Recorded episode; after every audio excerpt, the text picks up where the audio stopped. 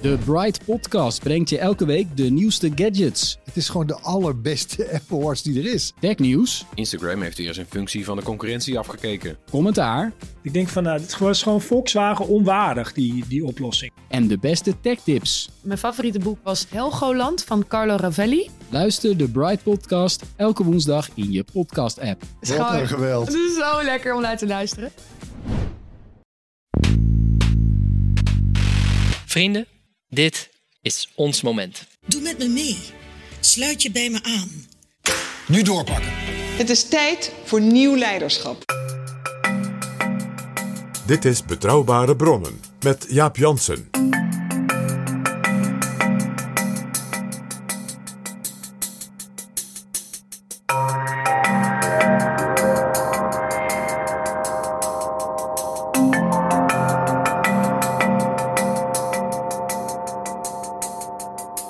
Hallo, welkom in Betrouwbare Bronnen, aflevering 165. Welkom ook PG. Dag Jaap. Sinds kort, PG, is er de mogelijkheid om te doneren aan Betrouwbare Bronnen. En daarmee maak je dan deze podcast mede mogelijk. En omdat ik dat zo belangrijk vind om daar nog even de nadruk op te leggen, noem ik deze keer aan het begin de nieuwe vrienden van de show. Die dus gedoneerd hebben via de site Vriend van de Show. En dat zijn de afgelopen dagen Vitor, Bob, Milko, Mar en Bas. Dank jullie zeer. Fijn om vrienden te hebben. En Bas heeft zelfs een bericht ingesproken. Dank voor het maken van jullie podcast. Ik houd van politiek en ik houd van geschiedenis en jullie combineren die twee en daar ben ik ontzettend blij mee. Ga door. Dank. En jij ook bedankt, Bas. Dit is Betrouwbare Bronnen. PG, de verkiezingscampagnes 2021 zijn begonnen. Eindelijk. Heerlijk. Zullen wij eens als service aan de campagnecomité's en aan de lijsttrekkers vandaag gaan praten over strategie en campagnes? En dat doen we helemaal gratis en voor niks ook nog, Jaap. Het is toch heel oncommercieel zijn wij. Dat Nou ja. weer. Een donatie is altijd welkom. Dan ben je ook nog vriend van de show. Dat is waar. Doneer. Strategie, Jaap. Elke campagne die als het ware wil overleven, misschien zelfs wel wil slagen, moet een strategie hebben. Dus een soort onderliggende gedachte, ja, een denklijn, een doel, waar als het ware die hele campagne, dus alle beslissingen in en rond die campagne, hè, hoe kleed je de zaal aan? Wanneer treed je wel op? Aan welk debat doe je mee? En met welk onderwerp en waar niet? Door gedragen worden. Het is heel belangrijk om een onderscheid te maken tussen strategie en tactiek. Strategie is dus hoe bereik je je doel? Doel is natuurlijk stemmenmaximalisatie, maar daar gaat het een en ander aan vooraf. En hoe doe je dat? In de strijd met je tegenvoeters. Dat is deel van de strategie. Strategie is dus niet alleen van hoe bereik ik dat doel, is ook welk doel willen wij bereiken. Wat is bijvoorbeeld reëel te doen? Op welke manier, met welke eh, instrumenten willen wij welke kiezers als het ware bereiken? Ja. En dus ik- ook een idee hebben, belangrijk, van wat wil ik met die campagne? Want een campagne waarin je dus als het ware van alles doet, maar je na die campagne bijvoorbeeld jezelf volledig hebt geïsoleerd en niemand wil ooit nog meer met jou praten, dan heb je een probleem. Dus strategie is altijd heel, zeg maar, heeft altijd heel veel facetten. Ja, en strategie, je zou kunnen zeggen, strategie is eh, de grote lijn. En die wordt vaak met tactiek ingevuld. Tactiek is de implementatie van strategie op alle mogelijke grotere en kleinere aspecten van de strategie. Dus de strategie van een partij wordt eigenlijk dus altijd sterk gedreven door natuurlijk de reële politieke omstandigheden, maar ook door bijvoorbeeld de ideologie van de partij, het soort beeld waarvan die partij zegt de komende 10, 20 jaar zouden wij met Nederland en Europa die kant op willen. Dat drijft als het ware de strategie. Ja, en tactiek hangt daar dus onder. En je ziet vaak dat als het bijvoorbeeld gaat om de foto op het verkiezingsaffiche, ja, dat het vaak heel huiselijk wordt bekeken, zelfs met vaak de partner van de lijsttrekker daarbij, die ook nog een stem heeft in welke foto er gebruikt gaat worden. Ik denk bijvoorbeeld aan Rita Kok bij Wim Kok. Prachtig voorbeeld. Ik denk altijd aan die beroemde poster van Lubbers in 1986. Waarbij voor het eerst duidelijk was dat Lubbers naar een kapper was gestuurd. En dat niet Rita zijn haar had geknipt. Ja, en de poster van Hans van Mierlo in 1994. Waar op last van zijn uh, voorlichter de wallen wat waren weggetoucheerd. Dat is dus tactiek. Dat is dus vertalen van wat je zeg maar, op lange termijn strategisch wilt in de toepassing van je middelen. Dus in welk tv-programma verschijnt wie van onze partij of komen we überhaupt niet? Al die ja, vaak kenmerkende dingen, die mensen dus ook zien aan de buitenkant van zo'n campagne op de televisie, die worden vaak verward voor strategie. Zij zijn dus tactische beslissingen, tactische afwegingen op basis van dus die, dat fundament dat eronder ligt, de strategie. Ja, een tactische vraag die heel vaak plotseling oppopt op een verkiezingsdag is: moet onze lijsttrekker gaan reageren op wat de andere lijsttrekker vanmiddag op de radio heeft gezegd? Antwoord is nee, dat gaan we vandaag niet doen. Dat is tactiek. Dat is tactiek, dat omdat binnen de strategie. En als je dus zegt nee, dat doen we niet, want hij is vandaag niet, hij is niet op zijn best. Terwijl de strategie is, wij gaan als partij zeer agressief, voortdurend in de aanval op die andere partijen. Dan heb je dus een tactische beslissing genomen die niet past in je strategie.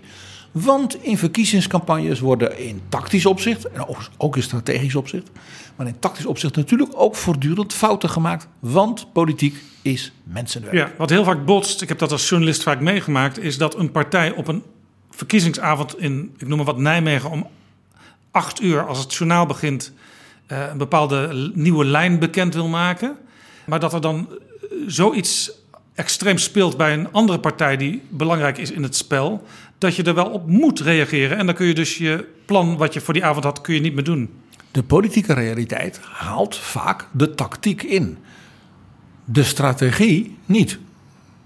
Jouw voorbeeld is een hele mooie. Inderdaad, ontwikkelingen, gebeurtenissen. Hè? Shit happens. Events, dear boy, events. Hè? Die kunnen de tactiek ineens ja, in de, de war sturen. Als een partij dan meteen de weg kwijt is, dan zeg je dan was ook de strategie dus niet zo goed.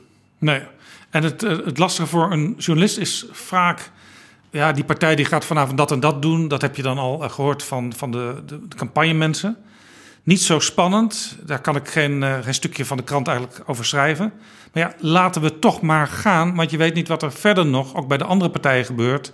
En dat ze misschien wel op elkaar gaan reageren. Ja, en voor de journalistiek, dus voor jouw collega's. Dus de tip: heb in dat werk wat je doet, die avond aan avond, de zalen, ja, dat is nu in deze campagne natuurlijk allemaal wat anders. Heb voortdurend in je achterhoofd: dit is tactiek, maar dat is strategie. Duidelijk.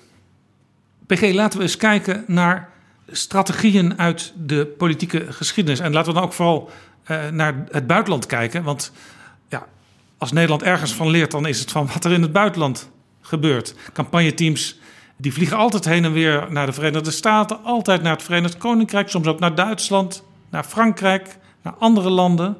Want er zijn altijd verschillen, maar er zijn ook meestal meer overeenkomsten in de politiek in de verschillende westerse landen eh, dan dat, dat de verschillen echt groot zijn. Kijk, in grote, uh, complexe westerse democratieën zijn zeg maar, die strategische uh, ja, zeg maar, langere termijn uh, uh, organisatie van je campagne en van je politieke beleid, die hebben meer overeenkomsten dan de natuurlijk tactische stijlverschillen.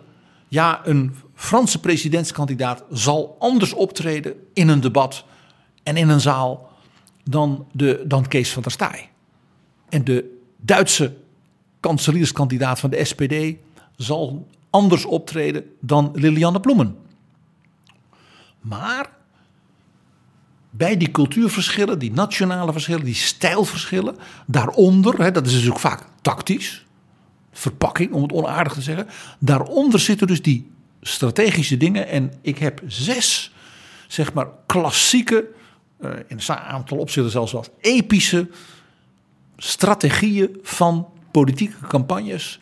Die staan voor een hele bekende, zeg maar ook als succes uh, geldende, zo'n maar, lange termijn campagnestrategie. Zes strategische campagnevarianten. Noem ze even snel en dan gaan we ze uitdiepen. De allereerste is de Rose Garden Campaign. Die kennen wij uit de Verenigde Staten, in het bijzonder van presidenten als Franklin Delano Roosevelt en Bill Clinton. De Rose Garden Campaign. Ga je zo over vertellen? Ja. De tweede komt uit diezelfde Verenigde Staten, de Whistle Stop Tour. Dan moet je denken, die is natuurlijk klassiek van president Harry Truman in 1948, maar bijvoorbeeld ook van John Major in Engeland in 1992. Die ook net als Truman zo'n come behind victory daarmee scoorde. Het land doortrekken, de whistle stop campaign. Nummer drie? La Force Tranquille. En Jaap, ik weet, dan gaat bij jou altijd je hart kloppen. François Mitterrand, prachtige poster, een brede poster, waar hij over het landschap uittuurt. En ja, er staat niks op die poster, behalve eh, La Force Tranquille. Een, een, een icoon, een staatsman. Dus een hele beroemde campagne van Mitterrand, die dat als strategie had. Maar bijvoorbeeld ook die van Ronald Reagan. Die deed dat ook. En ongeveer in dezelfde tijd, dezelfde generatie. Dan nummer vier. Ja, die uh, hebben we alles behandeld, uh, Jaap, in Betrouwbare Bronnen. Keine experimenten. Tijd van Adenauer. Dat was een beroemde leus van Konrad Adenauer. En die is dus zo klassiek geworden. Dat is als het, ware de, het woord voor zo'n strategie geworden. En het leuke is, dat deed dus niet alleen Konrad Adenauer in de jaren 50. Maar ook bijvoorbeeld Charles de Gaulle. Die deed dus een Franse variant daarvan. Nummer 5. Labor isn't working. Margaret Thatcher. Margaret Thatcher. 1979. Labor isn't working. Je kunt het land niet overlaten aan de tegenstander. Daar komt het op neer. U heeft het nu toch genoeg gezien. Thatcher, dat is een klassieker daarmee geworden. Maar bijvoorbeeld ook Helmut Kohl gebruikte in feite dus deze strategie in zowel 1983 als 87. En de laatste, de zesde. Ja, die kennen we allemaal. Barack Obama. Yes, we can. Obama, hij, is, hij is nu al klassiek. Hè? En hij is dus heel recent, maar hij is klassiek. Maar ik kan jou uit de geschiedenis precies zo'n campagne laten horen. Die van Willy Brandt in 1969. Interessant. Daar gaan we zo nader over praten. Want we gaan ze nu alle zes uitdiepen. En ik ben ook heel benieuwd, PG, of je bij al die, bij al die strategische voorbeelden misschien nog een koppeling kunt maken aan het Nederland van nu en voor welke kandidaat, voor welke lijsttrekker een bepaalde strategie misschien nu heel geschikt zou zijn. Nou ja, ik heb van deze zes strategieën vijf lijsttrekkers waarvan ik zeg, bij jou, goede vriendin, waarde vriend, zou dit echt passen tussen nu en half maart 2021. Jaap Jansen en Pieter Gerrit Kroeger duiken in de politieke geschiedenis. PG, jij noemde als eerste strategievariant de Rose Garden campaign. De Rose Garden is natuurlijk de tuin van het Witte Huis. Die staat zeg maar aan de achterkant van de ramen van de Oval Office. En daar zie je regelmatig de, de president een korte toespraak houden. Met vaak ook nieuws daarin. And now we're opening, and we're opening with a bang. And we've been talking about the V. This is better than a V. This is a rocket ship. At a Friday morning Rose Garden news conference, President Donald Trump clearly in a positive mood. Stunning many, two and a half million jobs were added. The unemployment rate actually fell to 13.3% in May. Of je ziet door die Rose Garden hem achter zijn bureau zitten werken, telefoneren, met zijn medewerkers praten. Hij is bezig voor het land. Dus de Rose Garden Strategy is een campagnestrategie waarin dus de leidende figuur binnen blijft. Ja, je moet dus al de leider zijn voor die strategie. Ja. Je moet als het ware uitstralen. Ja, wat Ruud Lubbers zo opmerkelijk zei in 1989 toen hij lijsttrekker was. Die zei toen: tegen de CDA-campagnemakers: regeren is ook campagne. Dus je straalt uit, die politieke campagne, dat is belangrijk natuurlijk. Maar ik ga voorlopig toch even door met het landsbelang. En we moeten nog een hoop doen. En ik ga dus beslissingen nemen en dingen naar buiten brengen. En dat is regeren, dat is geen campagne. Ja, en eigenlijk die Rose Garden campaign, die voer je eigenlijk als president en als premier al uh, vier jaar lang als de campagne aanbreekt. Want je hebt bijvoorbeeld die wekelijkse persconferentie en dat radio- en televisiepraatje wekelijks. En de andere topkandidaten zijn daar stinkend jaloers op. Dus dat, dat, dat, dat kontje heb je alvast gekregen voor de campagne. Ja, dat is zo. Nou, een mooi voorbeeld hiervan was president Gerald Ford van Amerika in 1976. Eh, die was natuurlijk tussentijds president geworden, hè, omdat Nixon natuurlijk uh, met pek en veren werd weggedragen naar Watergate. Dus die man was niet zelf gekozen als president. Dus die dacht, ik moet naar de Amerikanen uitstralen. Dit is de president. Die doet zijn best voor het land. Hij is niet zoals die Nixon een boef. Dat was Gerald Ford niet. was een door en door uh, nette, uh, niet heel briljante man. Maar die zit hier voor ons, voor de Amerikanen en doet zijn best. Ja, hij was dat, was zijn, dat was als het ware wat hij wou uitstralen. Ja, dat was misschien ook wat hij het beste kon. Hè? Want een campaigner was het waarschijnlijk niet. Het was geen flamboyante persoonlijkheid. En wat hij hoopte was dat andere toppers van de Republikeinse Partij, als het ware, die zou het land ingaan en zeggen: Support our president, he is doing a great job. Ja? Dus anderen, dat noemen ze in Amerika substitutes, die doen dan zeg maar de boodschap of delen van de boodschap. Ja, en er was in dat jaar 76 ook geen strijd in de Republikeinse Partij uh, tussen kandidaten? Die was verschrikkelijk geweest. En daarom dat Gerald Ford met deze campagne, die dus begrijpelijk was van hem uit, toch net de mist in ging. Want ja, zijn voorganger die had kunnen zeggen: Gerald Ford heb ik uitgekozen. Is een voortreffelijke man. Was Richard Nixon. Ja. Die kon je natuurlijk niet het land insturen. Nee. Nee. nee. En zijn opponent binnen de partij, die hem tot op het laatste seconde op de convention had geprobeerd, ja, als het ware te vervangen, was Ronald Reagan, de gouverneur van Californië. En Ronald Reagan die heeft in die verkiezingscampagne op zijn handen gezeten. Die heeft niks gedaan. Dus Gerald Ford had geen substitute behalve dan een gouverneur hier, een senator daar, maar niet dus zeg maar kampioenen voor hem. Nee, want Reagan dacht mijn tijd komt waarschijnlijk nog wel. Eh, ik trek mij een beetje terug uit het spotlicht. Eigenlijk had Gerald Ford maar één substitute, die hem ook bijna hielp dat hij won, en het was Betty Ford. Zijn vrouw, de First Lady, was ongelooflijk geliefd in Amerika. Werd heel erg gewaardeerd. Ook zeg maar, in de wat meer progressieve hoek, grappig genoeg. Door allerlei redenen die we nu niet behandelen. Maar Betty Ford was een geweldig zeg maar, asset voor Gerald Ford. En daarom dat hij het eigenlijk in die campagne nog heel knap deed. De Rose Garden eh, campagne. Noem eens een ander land waar dat ook plaatsvond. In 1988 was François Mitterrand al zeven jaar president van Frankrijk. Want toen zat je zeven jaar. Dat waren nog eens tijden. Zettena. En na zeven jaar ja, ging hij voor een volgende termijn. En wat deed François Mitterrand? Die deed bijna niets. Zijn opponent was Jacques Chirac, de burgemeester van Parijs. Een dynamische, flamboyante, extraverte man. En die liet hij als het ware in een soort uh, wattenmuur lopen.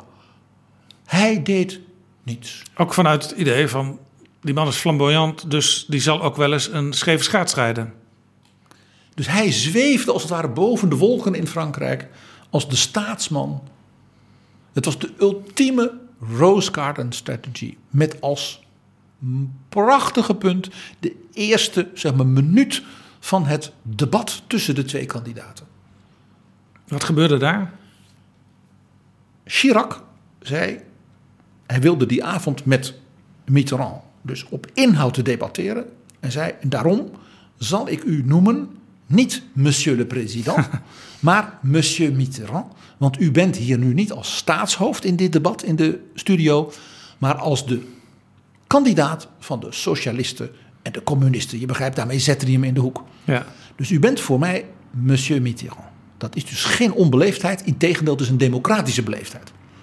Waarop Mitterrand glimlachte, knikte en zei: Helemaal zoals monsieur le premier ministre. Permettez-moi juste de vous dire que ce soir, je ne suis pas le Premier ministre et vous n'êtes pas le Président de la République. Nous sommes deux candidats à égalité et qui se soumettent au jugement des Français, seul qui compte. Vous me permettrez donc de vous appeler Monsieur Mitterrand. Mais vous avez tout à fait raison, monsieur le Premier ministre. De minister-president, en dat is in Frankrijk altijd een beetje een krullenjongen ja. van de president. Ja, ja, ja. Dus was dat debat van bijna twee uur had Mitterrand gewonnen in zeg maar, de eerste paar minuten. Door net even te laten voelen, jij kunt mij hiermee niet raken. Het was de uh, uh, Jardin des Roses uh, campagne in optima forma. Het is ook een beetje. Ik stel voor dat we elkaar tutoyeren, zoals u wilt, meneer. Ja, daar doet het aan denken. Ja. Meest iconisch natuurlijk in de geschiedenis, Rose Garden Campaign, is natuurlijk die van Franklin Delano Roosevelt in 1936. Dat was ook meer een soort kroning dan een verkiezingscampagne bijna. En die heeft hij eigenlijk herhaald met dezelfde zeg maar, aanpak en strategie in 1940. Ja, die heb je ook al eerder in Betrouwbare Bronnen besproken, die, die, die Rose Garden campagne. Juist. Nou, een Rose Garden campagne, dus die strategie, die heeft dus een aantal kenmerken. De eerste daarvan die hadden we al een beetje bijvoorbeeld met Mitterrand en ook met Gerald Ford. De kandidaat, de partij van de kandidaat, uh, zegt ja, de politieke strijd, het gehakketak, dat hoort er natuurlijk bij. Maar laten we even dat rustig doen en we leggen de nadruk om uh, allerlei initiatieven naar voren te brengen vanuit de Oval Office, vanuit het Elysée, vanuit het torentje. Waarbij dus de onderwerpen van de campagne als het ware worden benaderd met bijvoorbeeld goede nieuwe voorstellen. Dus regeergedrag. Niet uh, in zalen uh, of op markten ja. te staan. En wat je ook vaak ziet, ook in Nederland, is dat bij voorkeur ook nog wat uh, prominente wereldleiders op het toneel verschijnen. Om dan indirect jouw campagne te helpen. Dat in de filmpjes de desbetreffende kandidaat de handen schudt van de president, de kanslerin, uh, de Europese Commissie. Uh, ja. He, dat is allemaal. De indruk wordt gewekt alsof Angela Merkel zegt: stem toch alsjeblieft niet op mijn partijgenoten, maar stem op de liberalen. Ja, en daar heeft bijvoorbeeld uh, Mark Rutte het, het, voordeel dat hij in zijn filmpje nu zowel het handen schudden met Trump als het omgaan met Joe Biden kan monteren. Waardoor dus eigenlijk het hele politieke veld afgedekt is. Hij kan Obama laten zien. Hij kan Ivanka Trump laten zien. Dus hij kan voor de achterband van Thierry Baudet. Nou ja, enzovoort, enzovoort. Dus dat, dat hoort inderdaad bij de Rose Garden Campaign. Dat je dus met andere wereldleiders. je zweeft als het ware een beetje boven het politieke gehakketak. En wat je ook doet, hè, zoals Gerald Ford. dus in dat Oval Office zitten en belangrijke nieuwe initiatieven tekenen. En daar een korte persconferentie over geven. En wat doe je dan? Behalve dat je dus inhoud agendeert. Je dwingt anderen daarop te reageren. Dus impliciet voer jij campagne door geen campagne te voeren. Jij dwingt anderen hun strategie en hun tactiek, beide, aan te passen aan wat jij wil. Dat maakt dus die Rose Garden campaign, als dat lukt en je hebt de positie als partij ja. en als aanvoerder, potentieel heel sterk. Ja, het is iets anders dan geen campagne voeren. Hè? Want ik herinner me 2002, toen uh, had je Hans Dijkstal van de VVD en Ad Melkert van de Partij van de Arbeid. En Hans Dijkstal die zei toen tegen zijn campagneteam... ik ga geen campagne voeren, want ik sta in de peilingen op 40 à 45 zetels. Dus als ik niks doe, dan is het goed. En ja, zijn campagneteam was het daar niet mee eens. Nee, Hans, je moet wel degelijk campagne gaan voeren. Want jij bent geen premier en je weet niet wat er nog allemaal gaat gebeuren in die campagne. En daar moet je op reageren. De VVD hield ook net de helft van die 45 over. Het is ook vergelijkbaar met bijvoorbeeld wat Geert Wilders deed in 2017. Die dacht met de vluchtelingencrisis 2015, 2016 heb ik ja, gewoon uh, 35, 40 zetels achter mij. En die ga ik gewoon binnenhalen. En dat moet voor zichzelf spreken. Dat, dat weten de mensen nog wel. Want ja, ik sta voor één ding en dat kennen ze. Ja. Wat ook heel kenmerkend is voor de Rose Garden Campaign... is dat dus de belangrijkste figuur... Uh, gewoon duidelijk een zekere tegenzin uit tegen ja, ja, ik moet natuurlijk ook naar de kiezers toe, maar ik heb het druk. Dit is belangrijk wat ik nu doe ik kom volgende week met een nieuw plan om het MKB te helpen of het onderwijs te verbeteren. Of, ja, waarmee zo iemand dus voortdurend weer agendeert. En voortdurend ja, het is belangrijk wat die andere kandidaten doen, maar eigenlijk is het helemaal niet belangrijk. Ja, en, en dus ook bijna met tegenzin zich laat overtuigen om in de laatste paar dagen van de campagne bijvoorbeeld toch nog even ergens een interview te geven. Of bijvoorbeeld, zoals vroeger, in een grote zaal dan toch de achterband van de partij toe te spreken. Ja, we hadden het in de vorige aflevering van Betrouwbare Bronnen over Dries van Acht. En die kwam stevast te laat op grote bijeenkomsten. Dat, dat was gewoon zijn. Dat had met zijn karakter te maken. Maar het kan dus ook het beeld versterken van de leider die druk bezig is met het land en die vanavond ook nog langskomt. Maar we moeten even wachten. We weten nog niet precies hoe laat hij hier zal zijn. En als hij dan binnenkomt met dansmariekes en blaaskapellen, dan gaat de hele zaal staan en dan houdt hij ook nog een toespraak die klinkt als een klok. En dan valt die toespraak dus nog extra goed mee. Precies, Jaap. Het allermooiste voorbeeld in de geschiedenis is wel geweest. President Roosevelt, ik noemde al in 1936, die dus een echte Rose Garden strategy volgde. Maar vlak voor de verkiezingen in zijn stad, New York, ja, dan toch één keer de trouwe partijgangers moest toespreken. En dat was natuurlijk in nergens minder dan in Madison Square Garden. Daar zat 40.000 man in die zaal. En Roosevelt heeft een toespraak gehouden die dus in heel Amerika op de radio werd gehad. En die was van fantastisch. Die was wereldberoemd. En laten we daar het beroemdste stukje nu even van horen. For nearly four years now, you have had an administration which instead of twirling its thumbs has rolled up its sleeves.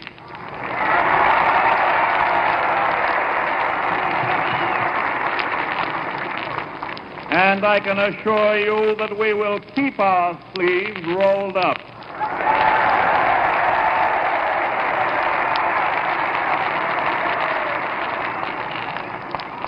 We had to struggle with the old enemies of peace, business and financial monopoly, speculation, reckless banking, class antagonism, sectionalism, war profiteering. They had begun to consider the government of the United States as a mere appendage to their own affairs. And we know now that government by organized money is just as dangerous as government by organized mob.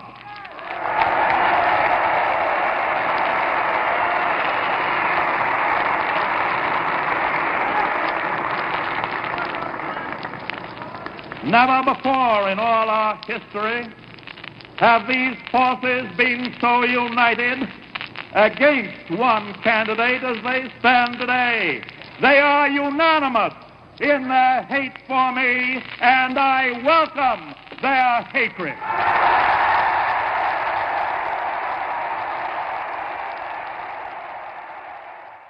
FDR in 1936. Nog één keer vlak voor de verkiezingen toch naar buiten komen. En dan als het ware iedereen wegblazen. Als je dat kunt, ja, als kandidaat.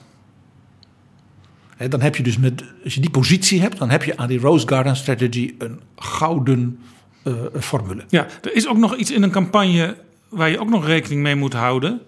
De kiezer in het midden die je als partij vaak uh, naar je toe wilt trekken, als die de vorige keer nog niet op je stemde, dat is vaak een ander soort kiezer dan de trouwe partijganger. Dus die moet je dus ook op verschillende manieren benaderen. Ja, wat je dus altijd doet, zeker ook in, bij de Rose Garden campaign, maar je zult bij de volgende strategieën mij erop terug horen komen, is weet wat je substitutes doen. Zoals dat in Amerika noemen. Je substituten. Dat zijn dus andere kandidaten van jouw lijst, van jouw partij, van jouw uh, organisatie, die delen van het electoraat als het ware in het bijzonder nog bewerken. Dus dat je zegt, de, onze kandidaat staat heel erg voor dit. Dat deel van het electoraat, dat willen wij niet vergeten, of dat willen we naar ons toe trekken, of dat willen we vasthouden, dat je daar specifieke kandidaat op zet. Ja. Substitutes. Bijvoorbeeld bij het CDA heb je natuurlijk een boerenachterban, maar je hebt ook een deel van het CDA dat heel erg met duurzaamheid bezig is. En dat is niet altijd dezelfde groep. Elke grote partij heeft, zeker in ons land dat uit alleen maar minderheden bestaat, dus een grote variëteit. Dat geldt natuurlijk voor de, de Grand Old Party en de Democrats in Amerika nog meer. Dat zijn twee partijen, dat is een optelsom van alle mogelijke regio's en achtergronden en geloven en herkomst. Dus, hè, dus de kandidaat heeft altijd substitutes om zich heen. En de substitute bij zo'n Rose Garden campaign heeft heel een duidelijke taak. Die is er voor het vuile werk. Dus de tackles, het onderuit halen van substitutes van de andere partij. Want dat moet natuurlijk niet de man die daar in dat Rose Garden zit te regeren doen. Dat is te plat. Die moet de achterban, zeg maar de harde kern van de achterban, enorm extra mobiliseren. Want de grote kandidaat moet een beetje boven de partijen zweven. Hè, die moeten zorgen voor get out the vote.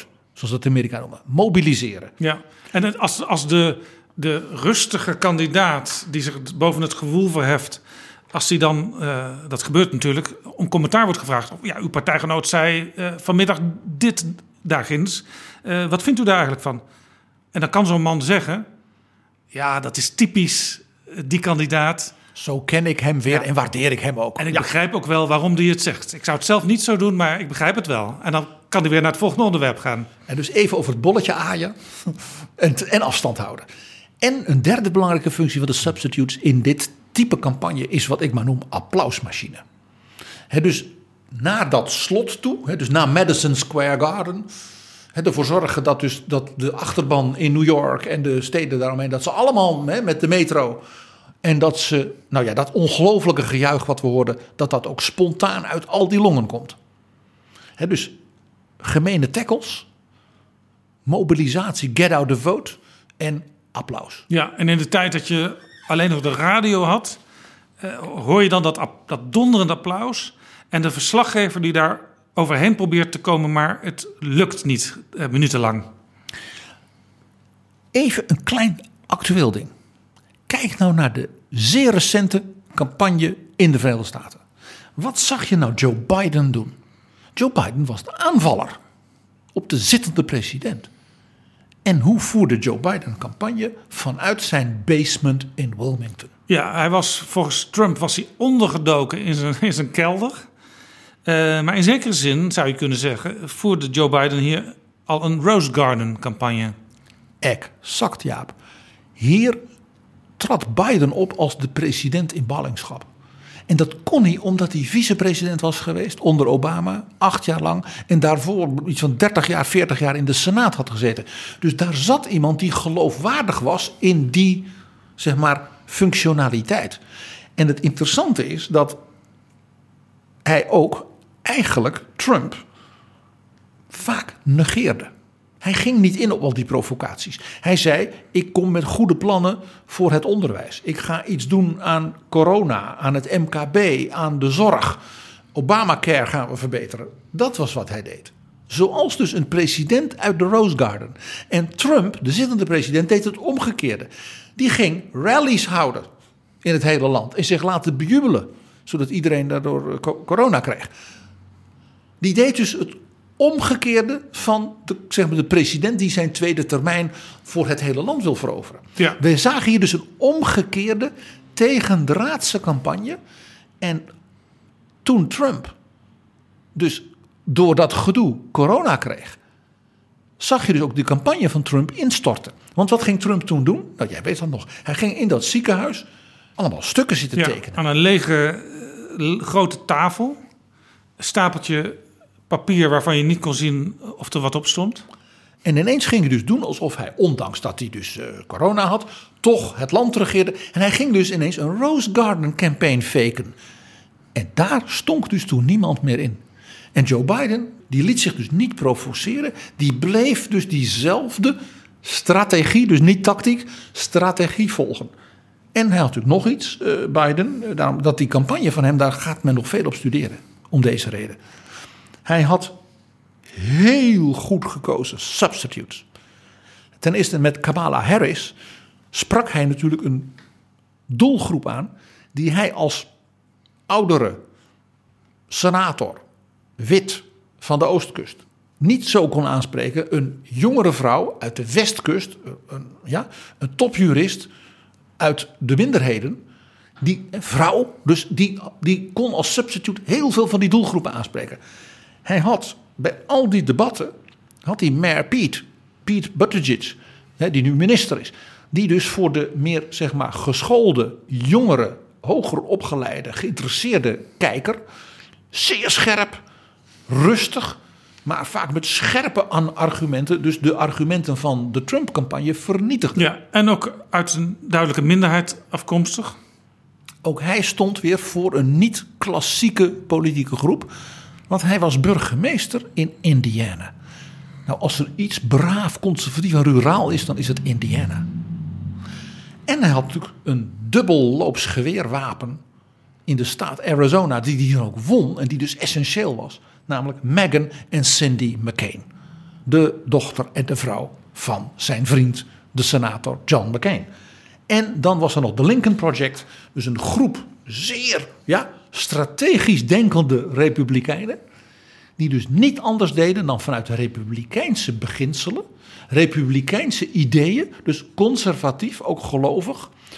Trump aanvallen, aanvallen, aanvallen. Al zijn argumenten dus kritisch benaderen vanuit de eigen partij. En die Lincoln Project, dat weten we nu, heeft dus 3, 4 procent van de republikeinse kiezers van het midden, vaak in de betere buitenwijken, de suburbs, overgehaald Biden te stemmen.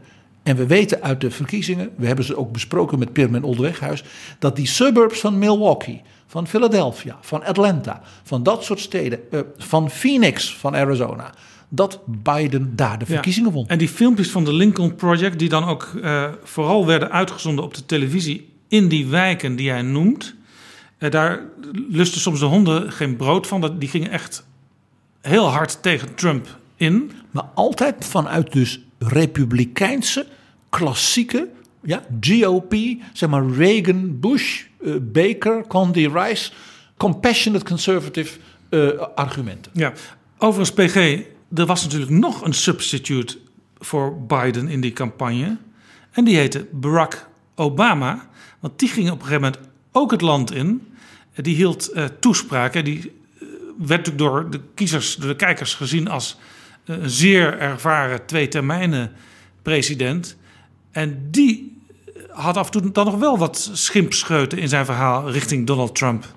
Zodat Biden dat niet deed. You guys delivered for me twice and I am back here tonight to ask you to deliver the White House for Joe Biden and Kamala Harris. Mr. Obama also tore into President Trump for reportedly having a secret Chinese bank account. Can you imagine if I had had a secret Chinese bank account when I was running for re-election? You think Fox News might have been a little concerned about that? They would have called me Beijing Barry. Dus het was zeer interessant. Een president die dus als substitute, hè, wat ik ook zei, de substitute is er voor de, de harde tackles, zodat de kandidaat het niet doet. En daarom dat je Michelle Obama ook niet zo heel veel zag, want zij is natuurlijk niet het type karakter voor harde tackles. Maar zij zat dus meer, bijvoorbeeld net als Kamala Harris, op het samenbindende van de samenleving. Ja, when they go low, we go high, zei zij in de campagne vier jaar eerder. Dus je ziet hier met de Rose Garden Campaign als klassiek Amerikaanse campagne, dat die meest recente een hele aparte was, als er bijna een soort omkering van de klassieke campagne van de kandidaat. Ja, de Rose Garden Campaign is dus regeren als campagne. In Nederland hebben we natuurlijk minister-president Mark Rutte. Ja, de VVD. Als die uh, verstandig is, of hoe je het erop noemen wil, tactisch, ja, uh, slim is wil zijn en dus een strategie zoekt die winnend kan zijn, dan is natuurlijk dat de Rose Garden Campaign. Mark Rutte zegt toch ook al zelf: ik voer voorlopig geen campagne, corona, de economie. En dan zegt hij: Hugo legt de zaak verder uit. Dus dan legt hij het probleem bij een andere, een andere partij.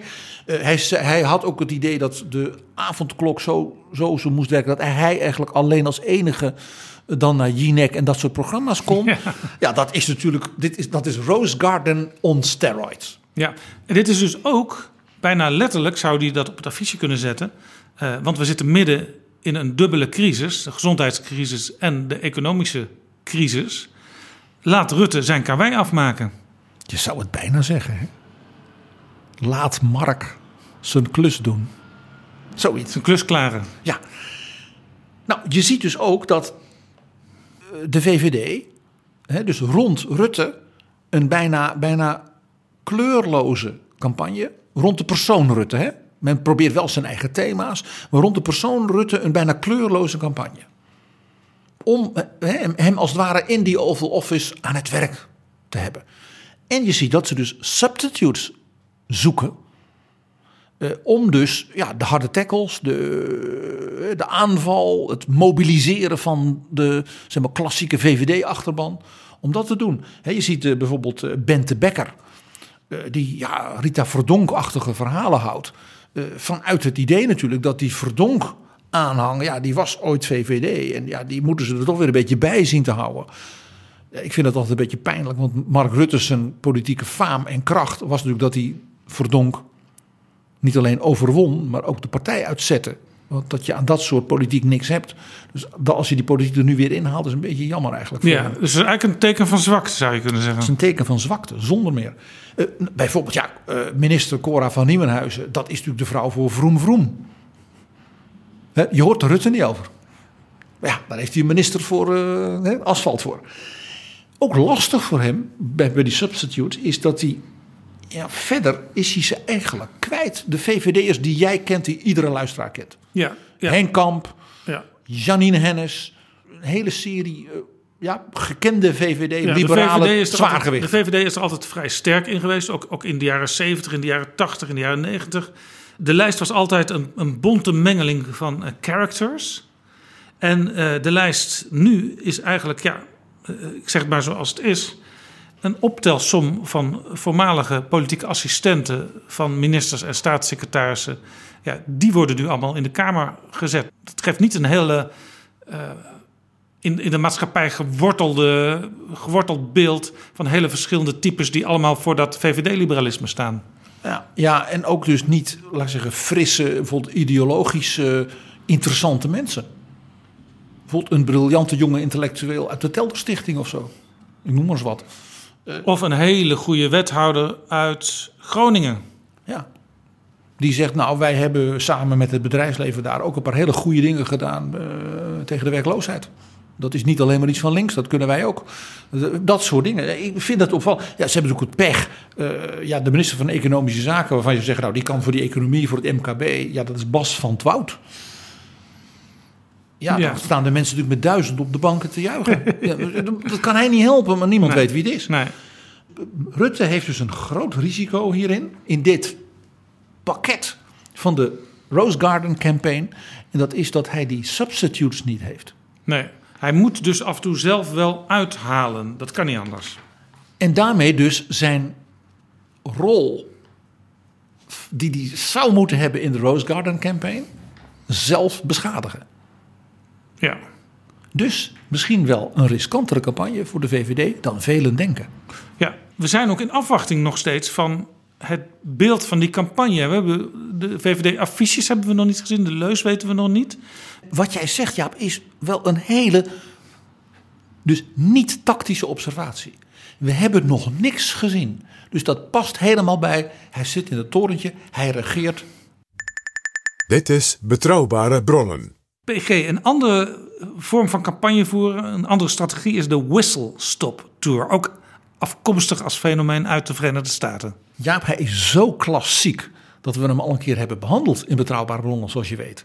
Over de onwaarschijnlijke wederopstanding van sommige politici. Het voorbeeld was toen Helmut Kool, maar ook president Harry Truman, de opvolger van Franklin Delano Roosevelt zijn campagne in 1948, iedereen wist dat hij geen schijn van kans maakte.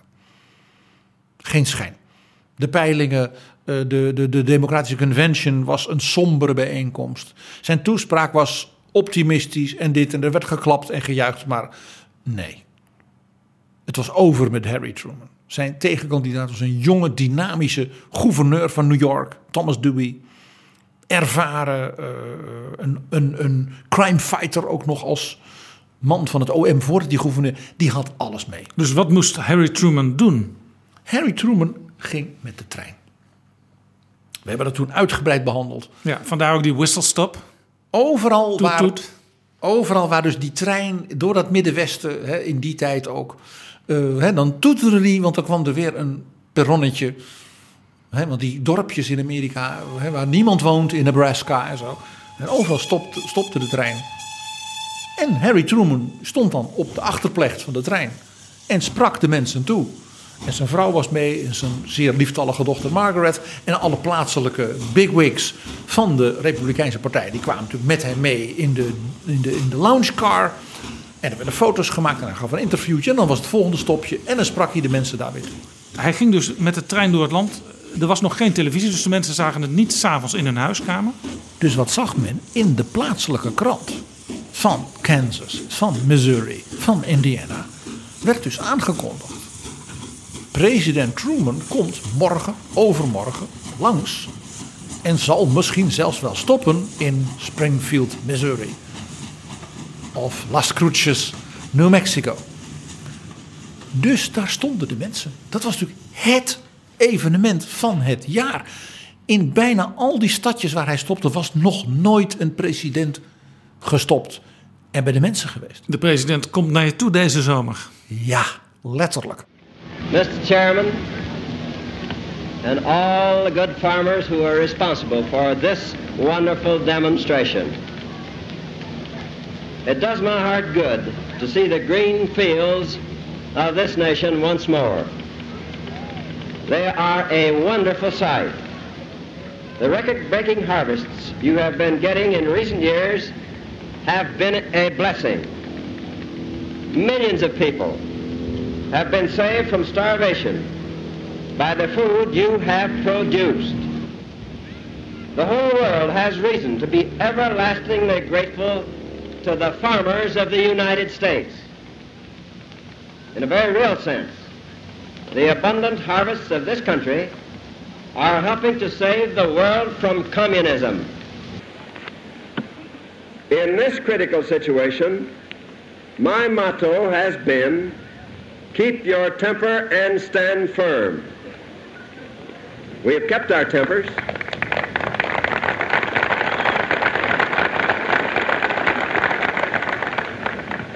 We have stood firm. Dus bij de eerste stop stond er 1500 man. Dat was dus het dorp plus nog alle boerderijen in hè, 20 mijl eromheen. En bij de volgende stops 5000, 15.000. En die wisselstoptour werd dus een klassieker van dus bijna onder de radar voor de grote media onzichtbaar campagne voeren. De grote media in Amerika stuurden natuurlijk een, ja, zeg maar een jonge uh, journalist mee. Die man mocht dan op die trein naar Kansas. Want ja, de echte journalisten bleven natuurlijk in New York en in Washington. En die stuurde dus berichtjes over. De man werd door 20.000 mensen in Lincoln County, uh, North Dakota, uh, toegejuicht. En daar wonen 21.000 mensen. en dan heb je dat hele kiesdistrict plus alle buren. Ja, ja, ja, ja, zeiden ze in Washington natuurlijk, leuk. Het werd dus niet genoteerd van hier gebeurt iets. Nee. Nou, je weet, uh, die avond, de beroemde verkiezingsavond. Hij ging vroeg naar bed, want hij wist zeker dat hij zou winnen. Ja. Iedereen had, niemand geloofde erin. En in de loop van de nacht, daar gingen al die staten waarvan iedereen. Er was zei, zelfs al een krant die schreef dat de tegenstander hem had overvleugeld. De Chicago Tribune, de beroemde kop. Dewey defeats Truman. En die vond hij de volgende ochtend op het station van de stad St. Louis, Missouri. Ook symbolisch dat het op het station gebeurde. Op het station van zijn staat Missouri, waar hij zo lang senator van was geweest. Dus een whistle-stop tour waarin je bijna onder de radar, ja, dicht bij de kiezers, ook bij kiezers waar bijna nooit een beroemde politicus komt, als ware uh, uh, steun opzuigt en daarmee aandacht weet te trekken en een soort mobilisatie ja, van onderop is een hele interessante uh, strategie voor een bepaald soort kandidaten. Je had het net over Gerald Ford in 1976, die natuurlijk in de plaats was gekomen voor de afgetreden Nixon. En het bijna toch nog haalde. Hè? In... Zijn tegenkandidaat was Jimmy Carter van de Democraten. En die deed ook zo'n whistle-stop tour. Helemaal. Jimmy Carter heeft zijn verkiezingscampagne gebaseerd op het feit dat hij bij ongeveer elke boerderij in Iowa en elke uh, plaatselijke vereniging had aangeklopt in elke drugstore in elk dorp. En niet één keer, wel drie keer. En ook zijn zonen en Miss Lillian, zijn, zijn moeder, die een oh, ja. beroemd campagnewapen was. En Rosalind, zijn vrouw. De hele familie Carter en al zijn vrienden uit Georgia. Allemaal overal in Iowa en elk dorpje. En hij won dus die voorverkiezing, de caucussen van Iowa. En daarmee was hij ineens gelanceerd. Hij stond ineens op de kaart. Ja. My name is Jimmy Carter and I'm running for president. En dat ging dus om enkele duizenden stemmen. En dat maakt dus ook dat Iowa tot de dag van vandaag natuurlijk ook zo'n uh, zo'n ding in de Amerikaanse politiek. En dat was ook zo'n whistle-stop tour. Hij heeft zelfs met zijn uh, uh, vicepresidentskandidaat Walter Mondale letterlijk zo'n bijna nostalgische treintour gedaan. En het leuke is, dat heeft nog een presidentskandidaat veel later gedaan. Namelijk Bill Clinton en Al Gore. Ah. Die hebben zelfs zo'n oude stoomtrein laten rijden. Alsof ze Harry Truman waren. Ja. Ik heb een leuk voorbeeld ook uit Europa. John Major, de opvolger van Margaret Thatcher, dus een beetje een soort Gerald Ford. ja. Die was ook niet gekozen door het De gematigde conservatief. En die moest in 1992 het opnemen tegen Labour. En Labour dacht, nu gaan we winnen. Want die Major, dat is niks. En die heeft geen ja, klasse. Thatcher vonden we vreselijk, maar ja, daar stond wel iemand. Ja, het, het, was een man zonder charisma. Ja. misschien een beetje balkenende. Ja, maar hij was geen hoogleraar. hij was zoon van een circusartiest. Ja, hij had een heel aparte, heel aparte voorgeschiedenis. En John Major die dacht, ik kan natuurlijk als premier vanuit Downing Street 10 een soort Rose Garden campaign, dat wordt niks. Of je vindt dat helemaal niet leuk. Dus hij deed in feite aan Harry Truman, ik ga toch verliezen, ik ga doen wat ik leuk vind. En die ging dus met een bus en die nam mee, letterlijk, dat had hij door een van zijn medewerkers laten meenemen, een zeepkist. En daar ging hij op staan met een microfoon op elke markt waar ze hem wilden hebben. In een schoolplein en wat dan niet. En die zeepkistcampagne van John Major werd een hit in de media. En de Labour-partij voerde juist een soort campagne met onze leider Neil Kinnock is klaar voor het premierschap. Dus die sprak in grote zalen. En iedereen vond dat saai en zouteloos en ja, niet, niet dynamisch links. Ja. En John Major was ineens een hit. En die won die verkiezingen met gemak. De Britten hebben natuurlijk ook de traditie van speakers corner. Hè? Gewoon ergens gaan staan en spreken. En John Major was op die manier dus ook benaderbaar zo'n tour door het land, dat is ook. Daarmee geef je ook bewust aan dat je uit de politieke hoofdstad weg bent. Hè? Dat, je, dat je afstand neemt tot dat dagelijkse gedoe daarginds. De politiek met de kleine p. En je gaat weer naar de mensen. Je gaat naar die dorpjes, die kleine stadjes waar men hard werkt, waar men hè, hard voor de zaak heeft, voor elkaar opkomt.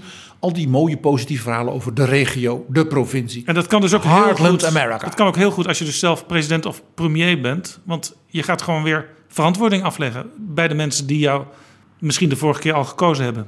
En waarvan je zegt, die inspireren mij, die geven mij de motivatie om weer hard te werken voor het land en de toekomst. dus de Whistle Stop Tour is ook altijd een beetje een anti-DC, tegen Washington, tegen Londen en tegen Den Haag. Ja, je hoort ook af en toe in Nederland een politicus zeggen: Ach, Haags gedoe. En dan gaat hij weer over tot uh, de orde van de dag. Ja, in Den Haag. ja, meestal wel. Ja. ja. En de Whistle Tour zegt: Haags gedoe, ik heb het er überhaupt niet over. Ik ga naar Ermelo. Nou, er gebeurt nu nog iets. Op het moment dat zo'n kandidaat dat doet, ik stip het al even aan, met die jonge journalisten die dan meereden met Harry Truman. En dat was de eerste keer dat die campagne dus gevoerd werd. Hè? Dus die fout die de media toemaakt door te zeggen: ja, ja, is goed. Die is daarna nooit meer gemaakt. Hè? Zie Jimmy Carter, zie John Major. Een kandidaat die dus een succesvolle, ja, enthousiaste wisseltoptour heeft, die dwingt de media naar hem toe te komen. Die partij heeft dus dan een soort bezienswaardigheid buiten het centrum van de media. Dus die partij dicteert de omgeving, het enthousiasme, de plek, ja, de thema's waar het over gaat. Ja, doe me trouwens in Nederland denken aan uh, Wim Kok, die op een gegeven moment ook campagne voerde uh, in de regio's. En dan ging hij alle uh, regionale radio- en televisiezenders langs. Daar zat ook nog een klein voordeeltje aan. die hadden niet het soort vragen wat ze in Den Haag wel stellen. Maar die waren gewoon überhaupt al blij dat de minister-president langskwam in Arnhem of, of, in Groningen of waar dan ook. En dan bleef hij soms wel eh, drie kwartier ook vragen van luisteraars beantwoorden. En dat was een groot succes. Dat is een klassieke wisselstaptour. Ja. Daar hadden ze goed naar hun klassiekers gekeken. Bij de PvdA toen. Nou, wat je ook krijgt is een soort zwaankleef-aan-effect. dat zag je dus ook weer die allereerste keer. Ik blijf erop terugkomen. Dat experiment van Harry Truman. bij het eerste station duizend man. Bij het derde station al 5000. En in Lincoln County in North Dakota stond iedereen van Lincoln County in ver daarbuiten. Ja, het voordeel was natuurlijk de volgende dag. Eh, er was nog geen televisie toen, maar de foto prijkte natuurlijk wel op de voorpagina. En de kranten in dat soort delen van Amerika, die zijn twee, drie keer in de week. Dus dan, die krant kwam dus het weekend. Ja, en die ligt dus, de, het ligt dus meerdere dagen op de salontafel. Jaap, dit, hier was dus door Truman en zijn mensen verrassend goed over nagedacht. Terwijl ze het gewoon deden omdat hij zei, ik, ik weet niks anders, ik ga het gewoon proberen. Dicht bij de mensen, zwaankleef aan. Je laat ook zien, ik ben een kandidaat niet alleen maar van en voor de elite.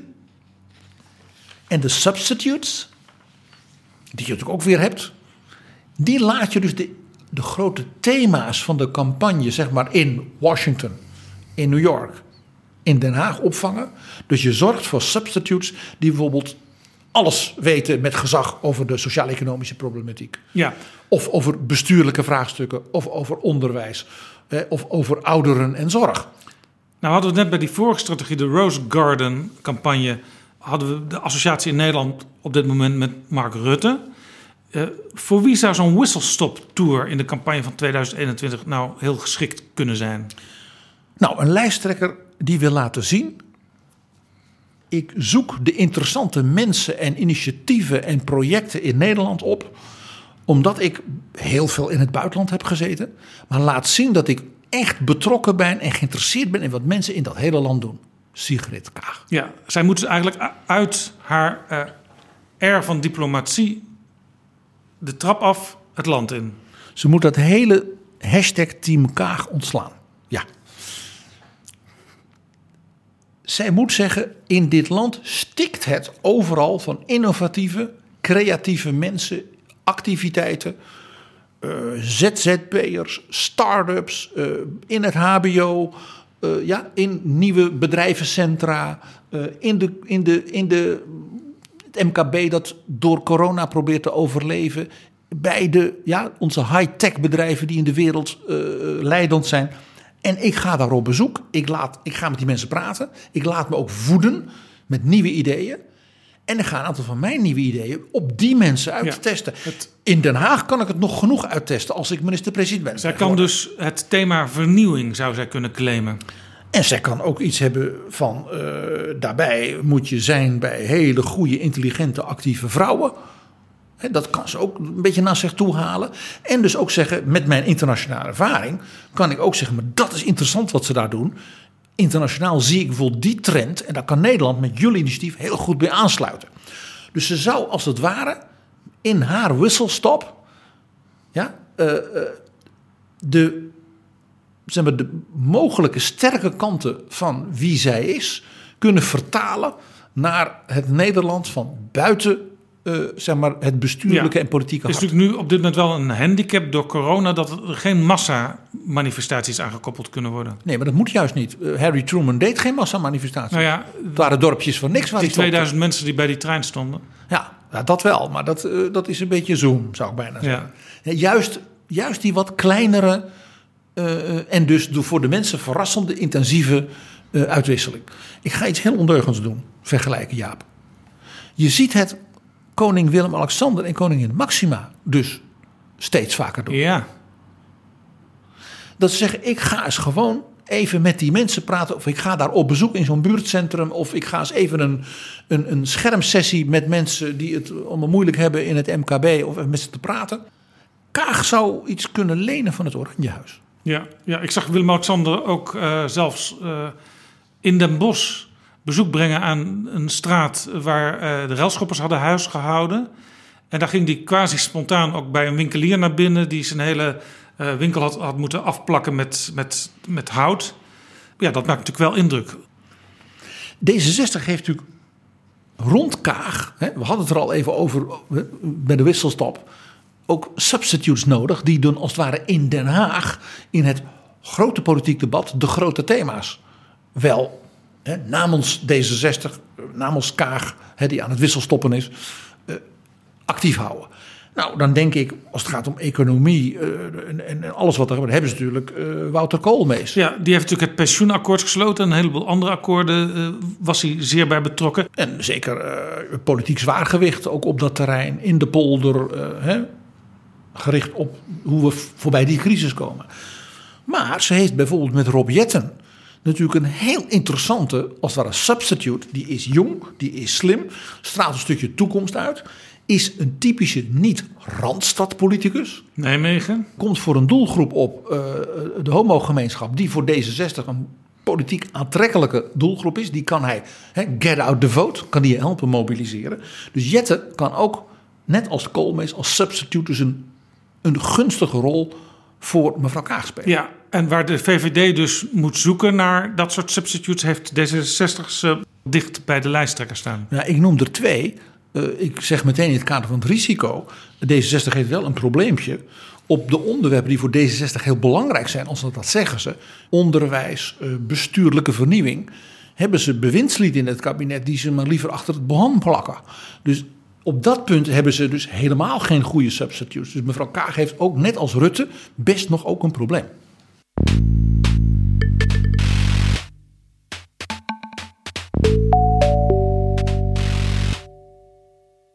PG, we hebben nu behandeld de Rose Garden campagne, de Whistle Stop campagne. Jij noemde in het intro van deze aflevering La Force Tranquille, ja. François Mitterrand. 1981. Dat is echt een van de klassiekers van campagne, dus doordachte campagne, waarbij dus ook die campagne helemaal, weet je wel, gedragen werd gedurende die hele campagne en ook zeg maar de tactische kanten van die campagne verbonden waren met die zeer doordachte uh, uh, ja, en ook jaren voorbereide strategie. Het interessante hier is dat dat gebeurde in 1981, toen Mitterrand nog geen president was. Want je zou juist zo'n campagne eigenlijk verwachten bij iemand die al zich bewezen heeft als topbestuurder, als president. Ja, wat dus François Mitterrand deed, was dat hij presenteerde zich bijna als een soort vader des vaderlands al. Uh, in zijn campagne-uitingen, uh, dus dat is tactiek, die vertaalden die strategie. Mooi voorbeeld. Je ziet op zijn posters een prachtig, mistig Frans zeg maar, midden, dorpjesachtig landschap met een oud Romaans kerkje. Het is La France Profonde. Ja, was het overigens niet het dorpje waar hij zelf vandaan kwam? Oké. Okay. Maar je zag iets niet. Er stond dus niet Mitterrand, kandidaat van de Union de la Gauche, links wil Frankrijk redden. Niet. Nee, sterker nog, die foto die appelleert misschien ook wel aan de wat conservatievere kiezer. Want het was het France Profonde, het conservatieve landelijke Frankrijk. Waarmee je dus uh, probeert een, een grote hap uit het electoraat te pakken. Een heel breed deel van, van, van de Franse kiezers, dus visueel, als het ware kietelen. He, waarbij dus de linkerzijde wist, dit is onze man en nu gaan we proberen dat hij wel wint, om het maar even zo te zeggen. En het behoudender, ruraler deel van Frankrijk. Hier staat een staatsman op wie je kunt vertrouwen. Ja, en laten we deze man eens uh, onderzoeken en wegen. En in die zin uh, lijkt dus uh, die campagne van Mitterrand interessant genoeg op de campagne van Ronald Reagan. Zowel in 1980 als nog misschien wel sterker zijn herverkiezing in 1984. Ja, 1980, toen was Reagan dus ook nog geen president, want Jimmy Carter was toen zijn tegenkandidaat.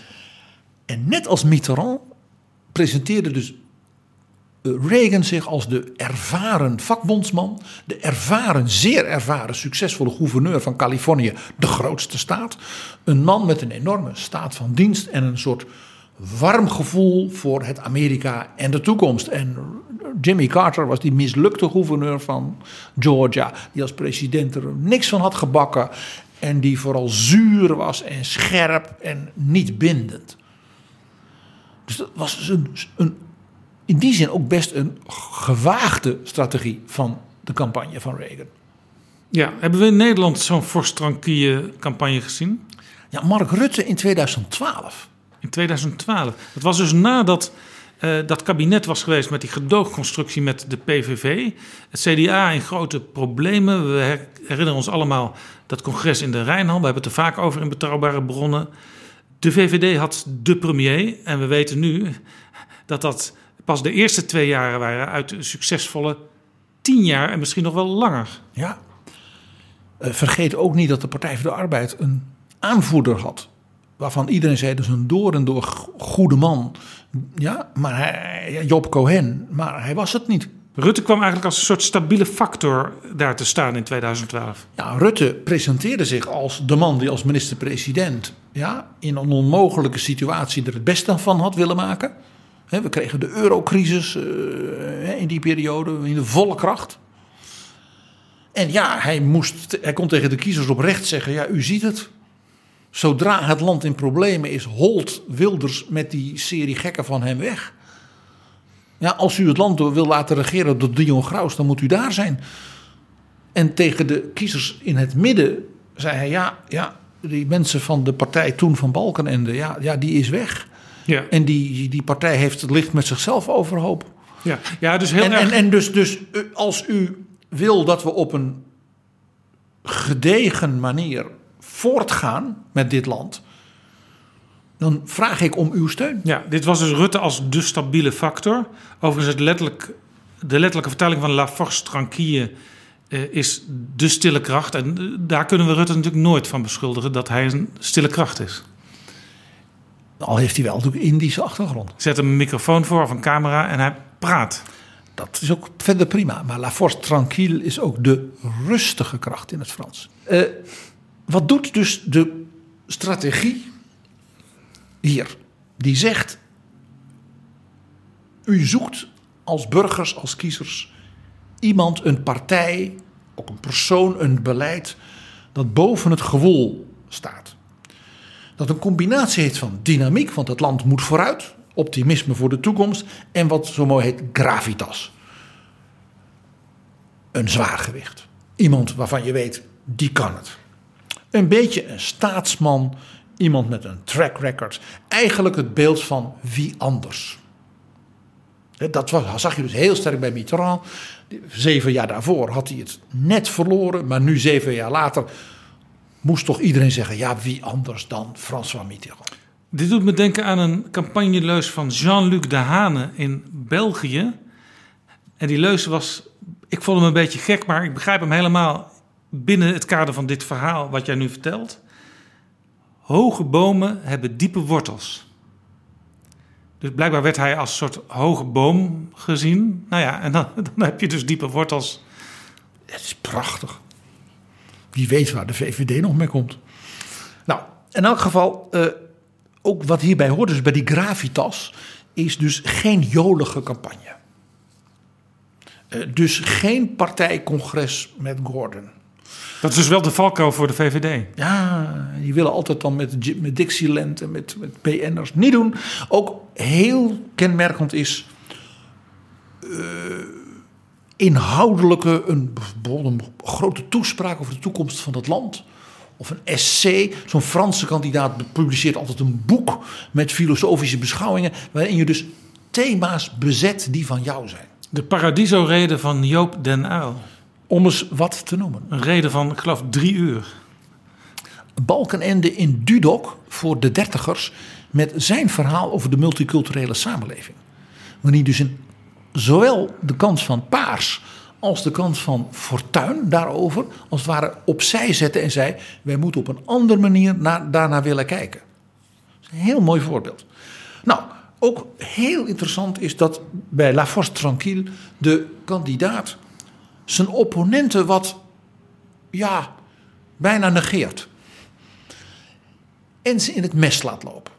Want wel voorbereid zijn natuurlijk een aantal dingen van die aanval gaat die kandidaat doen. De opponent, de andere partij en dan staan wij klaar.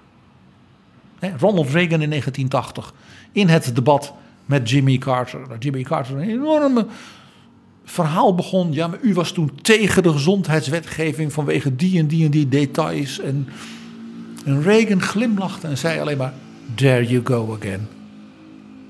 Daar begint u weer. Medical bill, then the insurance would help pay for it. These are the kind of elements of a national health insurance important to the American people. Governor Reagan again, typically, is against such a proposal. Governor, there you go again.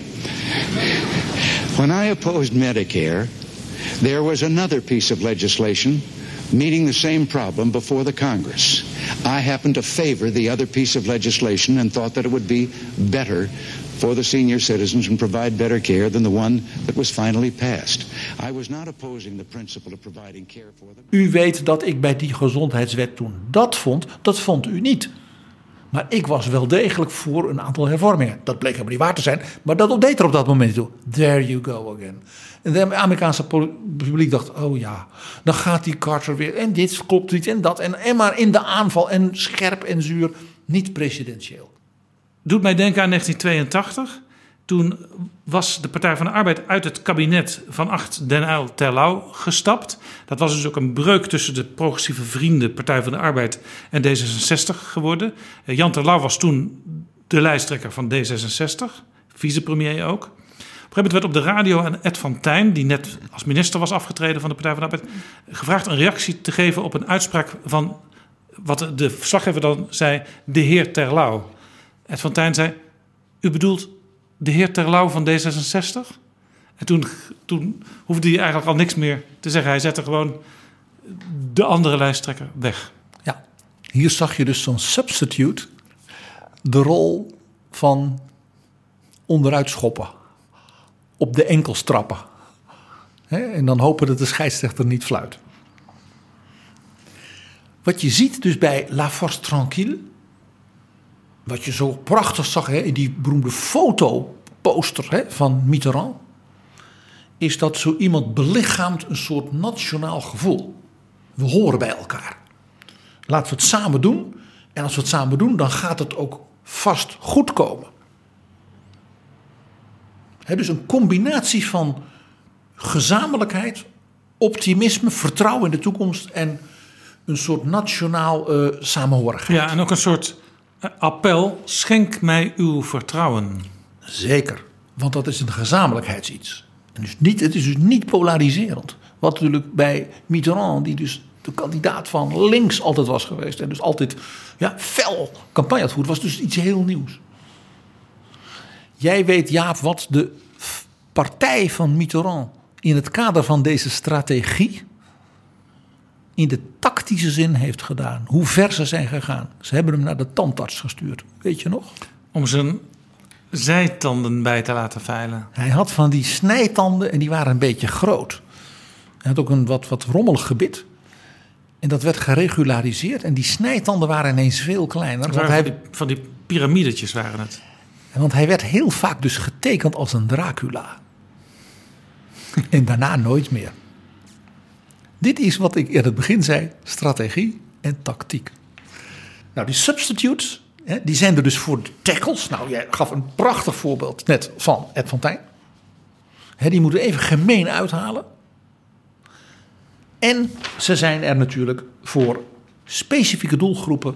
Hè, bijvoorbeeld als je dus als Mitterrand, zo'n nationale figuur, dat je natuurlijk de vakbonden en de communistische kiezers en de hardlinkse kiezers er ook wel bij nog moet houden. Dat ze niet thuis blijven. Dat ze zich niet aangesproken voelen. Of dat je jongere kiezers, hè, die, die, die, zo'n plattelandfoto denken, wat moeten er nou mee? Dus die substitutes, hè, die zijn er dus om zeg maar, uh, witte vlekken in het totaalplaatje nog wat extra uh, in te vullen. Ja. En de, de, de middenkiezer, zeg maar, die verlokt moet worden om op jouw kandidaat te stemmen, die moet dan bij de substitutes niet het idee krijgen van.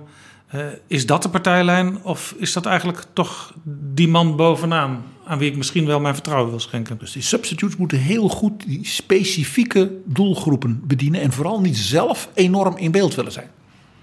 Zoals Ed van Tijn met één opmerking. Ja? Is er een rustige kracht in de campagne van 2021 in Nederland aan te wijzen? Als ik kijk naar wie in de 2021-campagne zeg maar, uit het blad van Frans van Mitterrand, die dus de steun had van de communisten en extreem links en dergelijke, uh, positief iets zou kunnen lenen, dan is dat de heer Wopke Hoekstra. Hm? Ja, ja, jouw blik verraadt. Kijk, hij kan zich nu, nu Lodewijk Asscher weg is, Jesse Klaver niet echt is doorgebroken als zeg maar soort alternatieve jonge premierskandidaat. Mevrouw Kaag in dat opzicht toch ook nog ongrijpbaar is, laat ik het zo zeggen. Kan hij zich presenteren als de enige zeg maar klaarstaande figuur die het van Rutte zo kan overnemen? Omdat hij natuurlijk ook al als minister van Financiën ja, als een soort pseudo-premier heeft gehandeld de afgelopen vier jaar. En dus vol ja, de man is die in de economische perikelen zijn werk doet en uh, de grote beslissingen doet. En natuurlijk met Rutte vier jaar lang op het Europese en wereldtoneel natuurlijk zijn, uh, zijn partijtje heeft meegeblazen. Bij de G20, bij alle euro, eurotoppen, hè, waar hij soms af en toe behoorlijk uh, de boot strak hield. Denk aan zijn Humboldt-reden in Berlijn. Daar, hè, hij kan zich presenteren als een jonge vent, een nieuwe vent, maar die ook die gravitas heeft met die dynamiek. En ook in crisistijden dat je weet, op deze figuur kunnen we aan. Maar hij hoeft dus niet de, de aanval te kiezen. Nou, hij moet dus, als hij dus de force tranquille strategie heeft, uh, dus dat positivisme, uh, dat laten we het samen doen, hè, dat wat nationale eenheid bijna, en niet polariseren niet elkaar kapot maken, uh, uh, met respect het debat blijven voeren. En de gekkies op extreem links en extreem rechts, dat is niet Nederland. Vorige week in de Tweede Kamer was duidelijk te zien dat Wopke Hoekstra al van het verkiezingselixer had gedronken.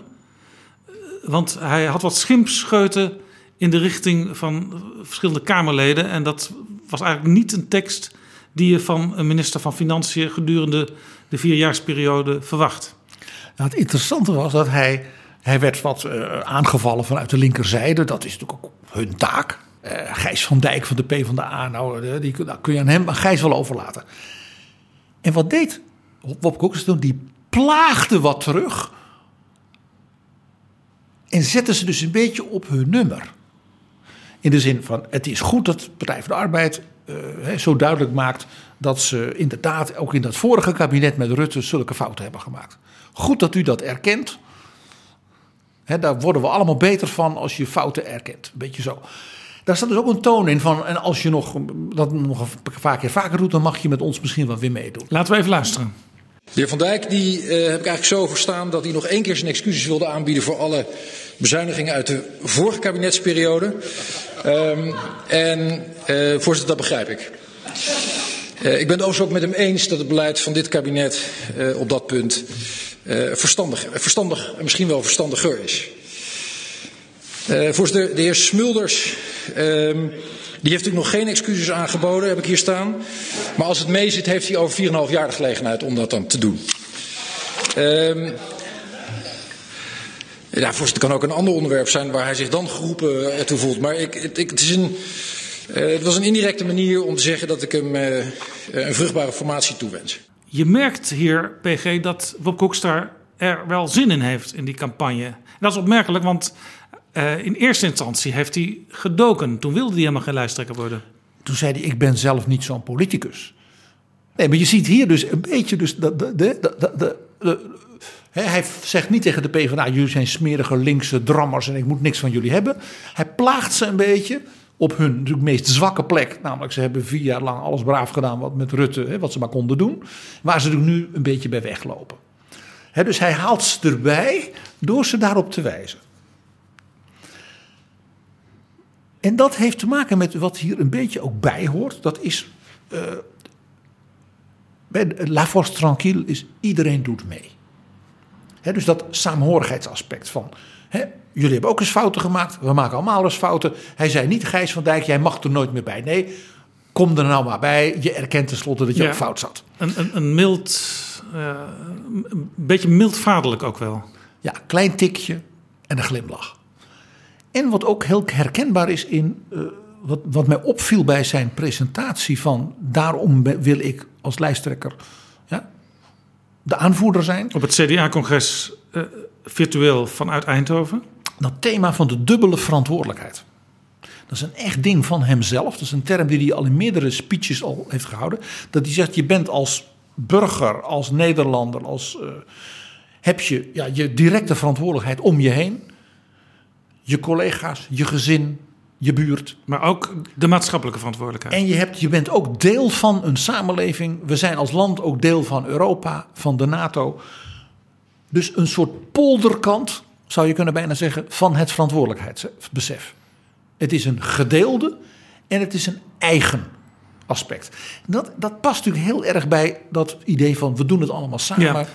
En eh, eh, antipolarisatie ook. Heeft hij misschien dan toch niet een probleem? Want je hebt het steeds over substituten die dan een rol spelen. Zijn nummer twee is de Pieter Omtzigt. En dat is een aanvaller. Die, die wil op iedereen wijzen die de dingen heel erg fout heeft gedaan de afgelopen tijd. En vooral ook de huidige minister-president eh, Mark Rutte... met wie Wopke Hoekstra zo eendrachtig vier jaar heeft samengewerkt. Beaucoup de force, pas très tranquille. Je zou ook dus kunnen zeggen, net als eh, het voorbeeld dat jij gaf van Ed van Tijn. Dat je dus een hooggeplaatste, ook intellectueel hoogwaardige kandidaat van die lijst hebt. Die met een enkele soms schimpscheut even wel uithalen kan. Dus de kunst voor het duo, zal ik maar zeggen, Hoekstra-Omtzigt binnen dus deze strategie van La Force Tranquille is dus omzicht zijn rol te laten spelen. Die hij zo goed kan, tot en met Venetië. Maar ook binnen het, zeg maar, het totaal van de strategie. Van saamhorigheid, we zullen het samen moeten doen. Opkomen voor iedereen die het moeilijk heeft.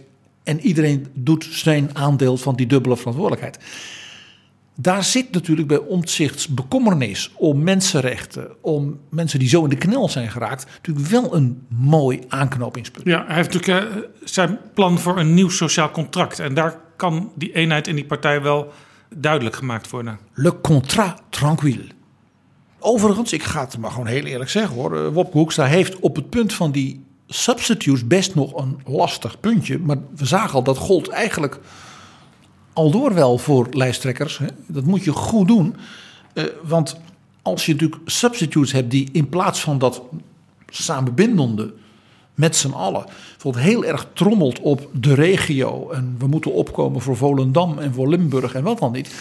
Dan werkt dat misschien wel helemaal niet zo positief. Nee, je hebt natuurlijk Mona Keizer, Volendam. Je hebt Raymond Knops, trouwens de campagneleider... die ook van de regio is. Zeker. En, en je hebt natuurlijk het gedoe in Brabant. Wat voor, ook voor Hoekstra en zijn partij Samenwerking met Vorm voor Democratie... of wat er nog van over is. kwetsbare aspecten. Eh, dus, dus ja, op dat punt, ook daar weer, elke strategie, ja, eh, ook als die heel goed doordacht is, moet dus heel goed opletten in dus de tactische vertaalslag. Heb ik de juiste mensen? Heb ik de juiste, mm, zeg maar, instrumenten? Dit is Betrouwbare Bronnen, een podcast met betrouwbare bronnen.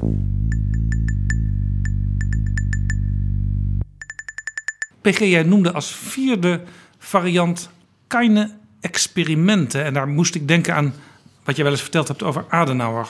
Konrad Adenauer. Ja, keine experimenten was zijn verkiezingsleus. En eigenlijk heeft hij zeg maar, varianten daarvan in 1953, in 1957, in 1961 gedaan. En al door ja, die verkiezingen gewonnen. Hij haalde met zijn CDU in die jaren 50 uh, de helft van de stemmen en zelfs ietsje meer uh, van de Duitse kiezers. Dus die gedachte achter die leus en die strategie was dus zeer, zeer overtuigend in de omstandigheden van bijvoorbeeld Adenauer. Ja, de Gaulle heeft, hem ook gebruikt. Ja, natuurlijk niet letterlijk. Maar toen de Gaulle in 1965, na zeven jaar president, zich na enkele aarzelingen toch herkiesbaar stelde voor een tweede termijn, heeft hij een fameuze toespraak gehouden tot de Fransen via de televisie, waarin hij dus niet heeft gezegd: Ik wil dat u op mij stemt, ik vraag uw stem. Maar hij heeft gezegd: Samen kunnen wij Frankrijk wel vooruitbrengen, maar dan moeten we natuurlijk wel vasthouden, ja, de goede koers die we nu samen hebben na alle narigheid hè, met de oorlog in Algerije en de verdeeldheid. En dat kan alleen als u dat doet, Fransen, Français et Français. Dus hij zegt de Fransen, u moet zelf beslissen, ik wil geen experimenten. Dit doet mij denken aan uh, een verkiezingscampagne van de Partij van de Arbeid. Althans, dat is de vraag of het de Partij van de Arbeid was. Want je kreeg in de brievenbus een soort visitekaartje waarop stond W. Drees, minister-president. En een hele korte oproep om uh, die dag te gaan stemmen. Er stond verder helemaal niet Partij van de Arbeid of programmapunten. Het was dus echt geef mij opnieuw uw vertrouwen. Dat, dat straalde het uit. En hij vroeg het niet eens, maar het straalde het uit. Je zou bijna zeggen, het was een soort fusie van La Force Tranquille en kleine experimenten. Ja. Nou, een heel mooi voorbeeld natuurlijk uh, was natuurlijk de herverkiezing in 1983 en 1970 van Margaret Thatcher. Ah, ja. Ze had de Falklandoorlog, ja, natuurlijk glorieus gewonnen. En de Labour-partij was uit elkaar gevallen in links en nog meer links. En mevrouw Thatcher die zei tegen de Britten: Wilt u met dat experiment, met die ja, gekkies, verder of met mij? U wilt toch niet iets anders nu? Nu het zoveel beter gaat met de economie. En, hè? en Engeland stond weer hoog aangeschreven met mevrouw Thatcher op het wereldtoneel. Ze was al de Iron Lady genoemd als spotnaam door het Kremlin. En ze gebruikte het onmiddellijk als een eretitel. Ja, is ook een beetje het voordeel van uh, de grote leider. Uh, Rutte heeft het misschien in 2017 ook wel op een bepaalde manier in zijn voordeel gebruikt. Dat ja, alles om hem heen was wat, wat, was wat vager, was nog niet echt helemaal volgroeid. Nou, er speelde nog iets in 2017. 2017 is, van Rutte is echt wel een kleine experimentencampagne geweest. Dus niet een Rose Garden strategy. Nee, nee. Omdat toen, in de periode daarvoor, met de vluchtelingencrisis, in de peilingen Geert Wilders uh, een soort Rita Verdonk was. Uh, 30, 35, het leek heel wat. En ja, dus Rutte kon tegen ja, het, midden van Nederland zeggen van... gaat u dat experiment aan of toch maar geen experiment en dan maar die Mark Rutte houden? Waarbij iedereen overigens vergeet is dat de VVD toen wel een kwart van de stemmen verloor. En de PvdA 75 procent. En daardoor is men dat verlies van de VVD toen vergeten. Ja, ja je kunt in Nederland premier zijn uh, terwijl je partij verliest. Ja, nou ja, kijk, de fameuze campagnes van uh, Ruud Lubbers in 86 en in 89 hadden natuurlijk een heel hoog Adenauer gehalte. Wilt u terug in 86 naar die Joop den Uyl, die natuurlijk een eerbiedwaardige man is, maar een oude man. Ja, laat Lubbers zijn karwei afmaken. Laat Lubbers maar zijn karwei afmaken, ja. En in 89, uh, ja, die Wim Kok, een prima vakbondsman, maar verder, is die al zover? Verder met Lubbers. Beetje, beetje flauwe afspiegeling van die eerdere leus. Ja, dus dat had een hoog Adenauer gehalte. Nou, wat is kenmerkend voor natuurlijk die strategie is... u weet wat u heeft, u weet niet wat u krijgt. Korter kun je het bij niet... Karwei afmaken, die term is niet voor niks voor meus geworden. Er zit ook iets in van, helaas moet ik vaststellen, dat de alternatieven, de opponenten, ja, die deugen niet. U weet dat ook wel. Dat is een experiment, dat is een krankzinnig avontuur. Om Hans van te te citeren. Bijvoorbeeld Helmut Schmid in 1980 tegenover Frans Josef Strauss. Niemand zei dat Frans Josef Strauss dom was, geen ervaring had, eh, ja, een enorme persoonlijkheid, eh, groot intellect, eh, bestuurlijk ook, maar een onbeheersbare, ook driftige, zuidelijke bijer. En Schmid bleef dus rustig, staatsman die in de wereld was geacht, de man uit Hamburg, ja, niet links in de SPD. Geen experiment met die Strauss. Nou, dat kenmerk eh, is voor dit type campagne heel duidelijk. En heel belangrijk daarbij is natuurlijk ook weer die substitutes. Wat moeten die doen? Die hebben eigenlijk maar één opdracht. Permanent on message zijn. Dus niet roepen, wij hebben hele leuke nieuwe plannen en ideeën. Want die moet je vooral niet noemen, want je wil geen nieuwe experimenten.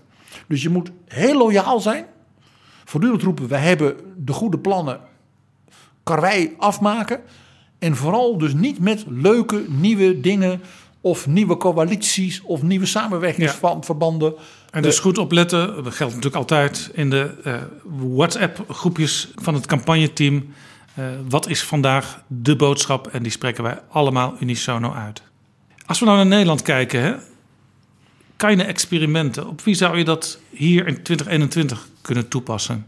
Jaap, dat is er eigenlijk maar één, denk ik. En dat is Geert Wilders. Wacht even, kleine experimenten. Je noemde net juist Wilders als voorbeeld van een experiment wat we toch maar niet zouden moeten willen in de lijn van, van Mark Rutte in 2017. Waarom plak jij dat idee, kleine experimenten, nu op Geert Wilders? Omdat Geert Wilders naar zijn achterban, zeg maar dat deel van Nederland, heel erg moet uitstralen. U heeft maar één iemand en dat ben ik. Met twee lijnen daarin, die Rutte, Hoekstra, Ploemen, Kaag, dat is allemaal één pot nat. Dat is de elite, dat is Den Haag, dat u veracht, dat niet naar u luistert. Een beetje wat Baudet heeft be- geprobeerd met het partijkartel. Veel te moeilijk Maar dat kan Wilders op een veel simpeler manier vertellen. Ja. En die kan ook zeggen: Ik heb u dat al vaak genoeg verteld. Zeg niet dat ik niet had gewaarschuwd. Dat is ook een belangrijk punt daarbij. En het tweede is dat hij kan zeggen: U kunt op de soort flanken, hè, waar hij dan natuurlijk een tenor van is, ook nog allerlei andere mensen die zich aanbieden. Maar u heeft toch wel goed gezien dat zijn allemaal prutsers, ruziezoekers eh, en andere vreselijke dingen. Dus wilt u dat het volk zo'n figuur heeft zoals ik, dan moet u dus mij steunen. Ga niet experimenteren met De Mos, met Henk Krol, met Merel, met Eertmans. Eh, wij als waarnemers eh, hebben het best wel vaak over Wilders als een grijs gedraaide plaat die eigenlijk altijd hetzelfde eh, verhaal vertelt, hetzelfde lied zingt. Maar dat kan dus ook zijn, zijn kracht zijn naar zijn kiezers toe. Als die kiezers opnieuw dat lied willen horen, moet hij dus zeggen: en van dat lied is er maar één Placido Domingo en dat is Geert Wilders. En al die anderen zijn of politici die u bedriegen, hè, van de klassieke partijen, of prutsers eh, die alleen maar voor zichzelf bezig zijn. Ja, je hebt het steeds PG over substitutes. Die zijn er natuurlijk eigenlijk niet voor Wilders. Hij, hij heeft wel een lijst, maar ja, wat moet je daarmee? Dat is dus een heel, heel lastig iets. En tegelijkertijd, zoals zo vaak, hè, je kunt ook de andere kant benadrukken. Het betekent dus ook dat hij geen rivalen meer heeft. Als hij ze al ooit had. Nou ja, Hero Brinkman, dat soort dingen. Dan zag je het ook meteen fout gaan. En hij heeft dus ook geen substitutes die niet loyaal naar hem kunnen zijn. Of niet on message.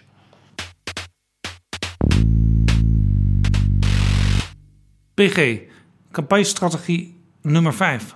Labour isn't working. Ik zie voor mij dat affiche van de conservatieve partij onder Margaret Thatcher. Van een enorme rij mensen bij het stempelkantoor, noemen ze dat in, in België. eh, werkloosheidsuitkering ophalen, zoeken naar werk, wat er niet is. Labour isn't working. Een van de beroemdste posters uit de moderne politieke campagnegeschiedenis. Een voorbeeld dus van hoe de tactische afweging van hoe gaan we dat verhaal nou laten doen, eh, op een bijna, ja, bijna indringende, aangrijpende manier dus die boodschap visueel Ja, er was ook veel kritiek toen, hè, want het was eigenlijk keihard negatief over de tegenstander en niet vertellen wat je zelf voor plan hebt. Mevrouw Thatcher dacht natuurlijk, dat doe ik dan wel. Ik kom dan met wat wij gaan doen. En hier speelde ook, dat is natuurlijk een, het was natuurlijk een prachtige woordspeling. Ja, labor, werk, isn't working. We hebben nog zo'n echt episch, klassiek voorbeeld van labor isn't working als strategie en dan vertaald op een manier die de mensen bij de strot greep.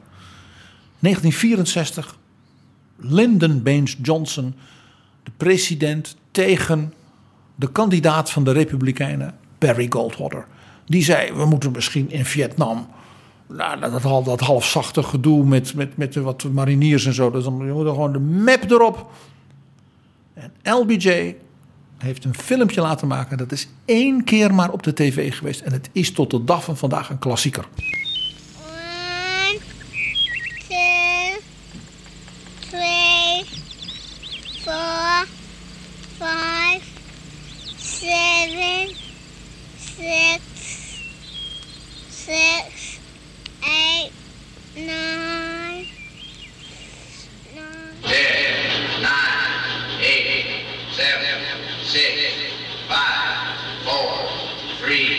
two, one, These are the stakes to make a world in which all of God's children can live, or to go into the dark. We must either love each other or we must die.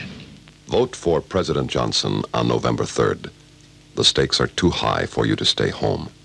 Typisch die stem van Lyndon Baines Johnson. Ja, ze hebben dus Johnson zelfs op zijn niet te netjes Washington. Het is de emotionele Texaan die je hoort. Dus voor de luisteraar, kijker, dat ik zei, het greep, het greep je bij de strot. Dit was LBJ op zijn meest indringend. Nou, we weten, het was natuurlijk een persoonlijkheid zoals weinig anderen in de politieke geschiedenis. Nou, die kwam wel door het scherm. Met? Ja. Heb je nog een voorbeeld uh, uit een ons omringend land? Uh, ja, uh, Helmoet Kool. Toen natuurlijk in 1982 de coalitie van de Sociaaldemocraten en de Liberalen uit elkaar viel. Helmoet Schmid, de grote Helmoet Schmid, in feite door de linkervleugel van zijn eigen partij, Oscar Lafontaine en zo, opzij was gezet. Ja, kruisrakettentijd. Ja, en de grote economische problemen ook. Toen kwam Helmoet Kool als nieuwe kanselier van de CDU natuurlijk ook met het verhaal van, ja, u heeft het gezien. De liberalen zijn zelfs gewoon weggelopen uit de coalitie en werken nu met mij samen. Dus ook weer samen proberen er iets van te maken, maar zij kunnen het niet. Ik moet ineens ook denken aan, uh, als je zegt labor isn't working, aan een leus van de VVD die ik zag in de Dordrecht op een campagnebijeenkomst met Bolkestein. Het zal denk ik 94 geweest zijn, weet niet precies. Maar de leus was toen de VVD werkt. En dat is eigenlijk omgekeerd hetzelfde. Labor isn't working, de VVD werkt. En uh, op het podium stond ook een enorme cementemmer met een grote spatel. Dat leek bijna wel uit de requisieten van het communisme uh, weggehaald. En uh, Bolkestein zei ook in zijn speech... de VVD is de partij van de arbeid. Het is een prachtig voorbeeld van de P van de A werkt niet. Om het eens even in het Nederlands te vertalen. Ja, je zag het natuurlijk ook even in Nederland bij Balkenende in 2002 en 2003.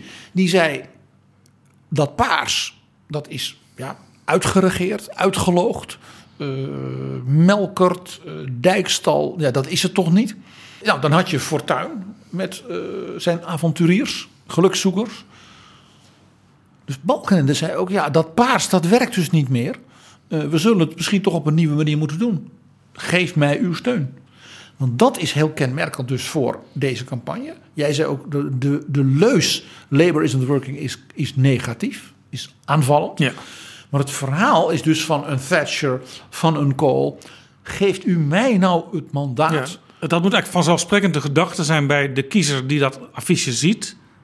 Oh ja, die Thatcher, die, eh, die kan dat waarschijnlijk wel. Laat ik het dan toch maar doen. Dus de kiezer in het midden zeggen van u wilt toch ja, dat niet nog een keer. It's not that they don't care about the unemployed. They do. And it's not that they don't mean well for our health service or our old people. Of course they do. The Labour Party has always expressed the best intentions in these areas. But it's no good having good intentions if you can't afford to carry them out. You can't pay for better social services with good intentions. Caring that works costs cash. It all seems to come down to one thing money and the policies which create it. Labour never seem to have enough. Strange, you might think, when we're paying more tax under this present Labour government than ever before. But despite all this tax they're collecting, they still haven't got enough to pay for the proper standards of social services. And they never can get enough coming in from tax when people aren't earning enough in the first place. So the Labour government has to take more and more of what we do earn to try and pay for the schools, hospitals and social services we all want. Don't just hope for a better life. Vote for one.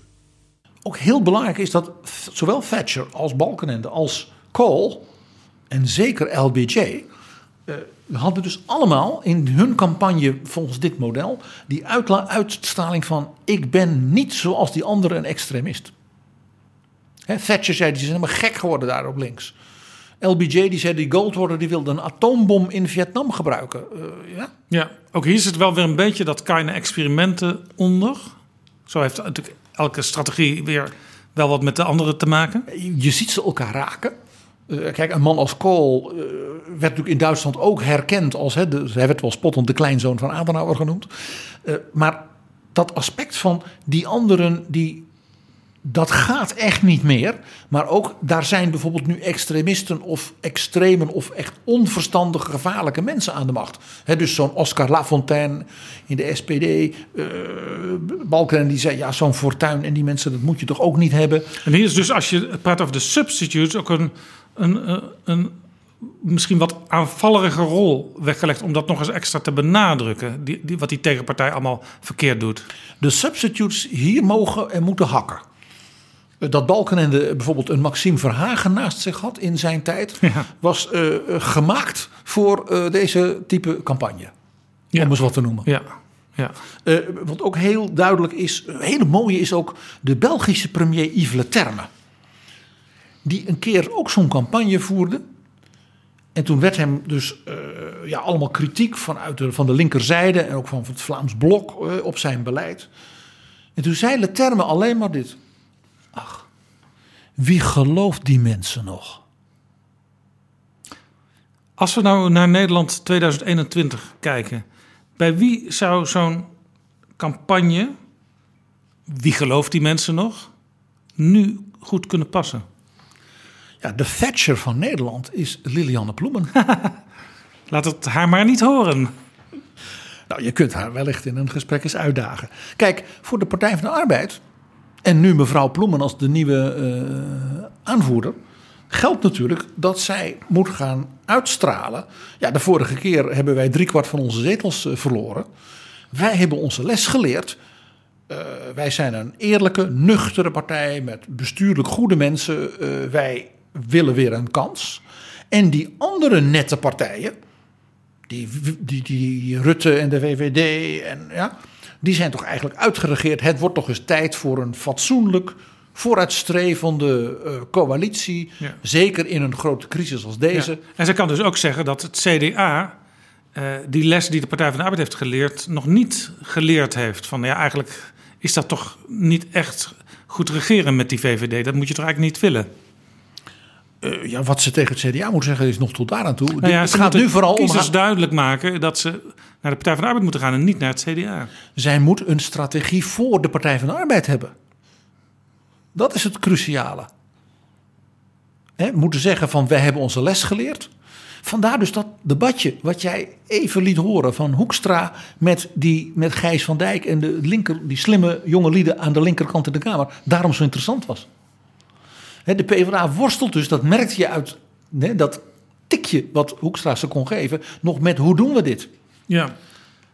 Nou, dus Wie gelooft die mensen nog? Eh, Ze zegt het bijna letterlijk al af en toe in debatten. Zij is natuurlijk nog niet een heel erg bekende lijsttrekker. Ze is het net geworden. Dat is een van de risico's bij eh, de campagne eh, die, die je, je, ja, laat ik zeggen, waarin je dit, waarbij je als het feite een aanval als strategie hebt, hè, labor isn't working, en je tegelijkertijd in je betoog, als het ware, mensen ook weer om je heen moet scharen voor, om natuurlijk te winnen. Dat geldt voor de PvdA zeker, die, natuurlijk, die maar negen zetels over heeft van de 38 daarvoor. Dus dan heb je een leidersfiguur nodig, een, een campagnestrategie rond een figuur met groot charisma. Die dat als het ware die dat over kan brengen, die mensen echt naar zich toe trekt. Dus dat is heel belangrijk hierbij. Dat zag je natuurlijk met mevrouw Thatcher. Dat zag je natuurlijk zeker met LBJ. Hè, die haalde de grootste verkiezingsoverwinning in de Amerikaanse geschiedenis. Het vergt heel veel van de, zeg maar, de, de topfiguur. Ja. Eh, en je moet dus ook durven de brede middengroep van de kiezers te mobiliseren met we willen, we zijn het zat, hè? isn't working, zonder hard populistisch te polariseren. Dit is Betrouwbare Bronnen. PG, de laatste, nummer 6, die noemde jij Yes We Can. Ja, dat is een, natuurlijk, het is heel bijzonder dat Barack Obama toch heel recent, 2008, hè, de, de campagne voerde met die leus. En dat wij nu al gewoon allemaal kunnen zeggen, dat is een classic. Yes, we can. America, we have come so far. We have seen so much, but there's so much more to do. So tonight, let us ask ourselves if our children should live to see the next century, what change will they see? What progress will we have made? This is our chance to answer that call. This is our moment. This is our time to put our people back to work and open doors of opportunity for our kids, to restore prosperity and promote the cause of peace, to reclaim the American dream and reaffirm that fundamental truth that out of many we are one, that while we breathe, we hope, and where we are met with cynicism and doubt, and those who tell us that we can't, we will respond with that timeless creed that sums up the spirit of a people. Yes, we can. Het is natuurlijk in feite een, een soort variant op de campagne van John F. Kennedy in 1960. Het lied van de campagne was gezongen door zijn vriend Frank Sinatra. High Hopes.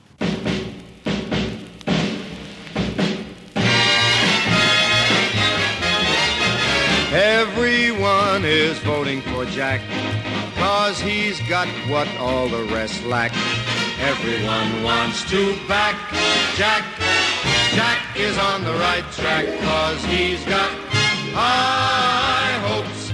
He's got high hopes. 1960's the year for his high hopes. Come on and vote for Kennedy. Vote for Kennedy, and we'll come out on top. Oops, there goes the opposition girl. Oops,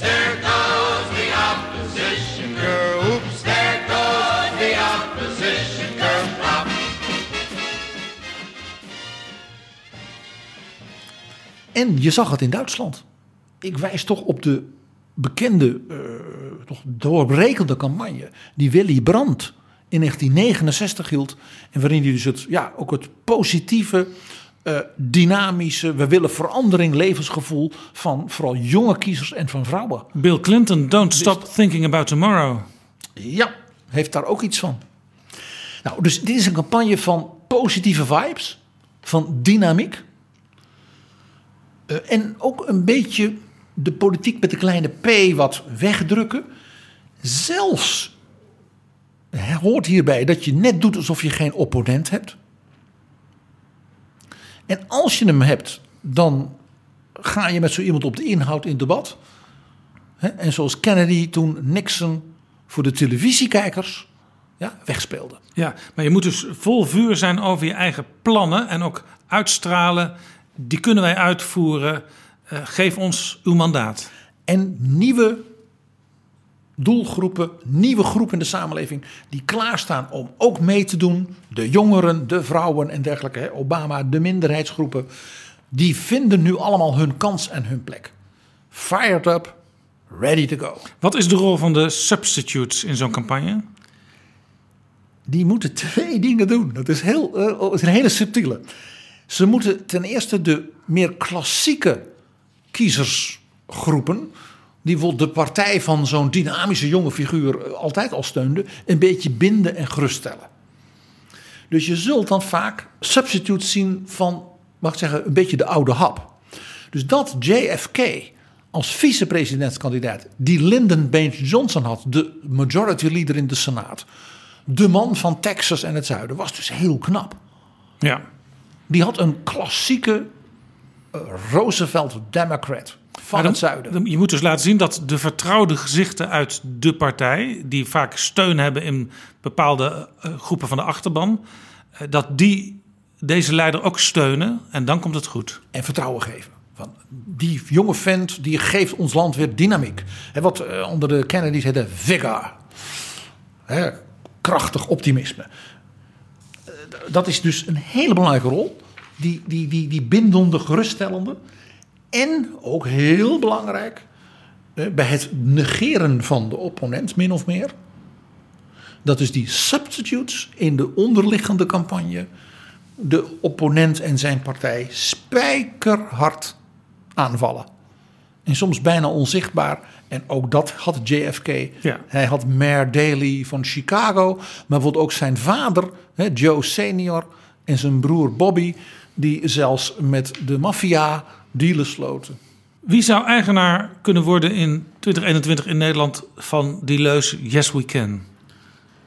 Ik vind dat een lastige, Jaap. Jesse Klaver had het vier jaar geleden natuurlijk wel een beetje. En eh, geloof niet dat hij dat Wit nou... overhemd, opgestopte mouwen, Ja. volle zalen. Ja, maar om dat nou te herhalen. Dus misschien is dat wel al een beetje verspeeld.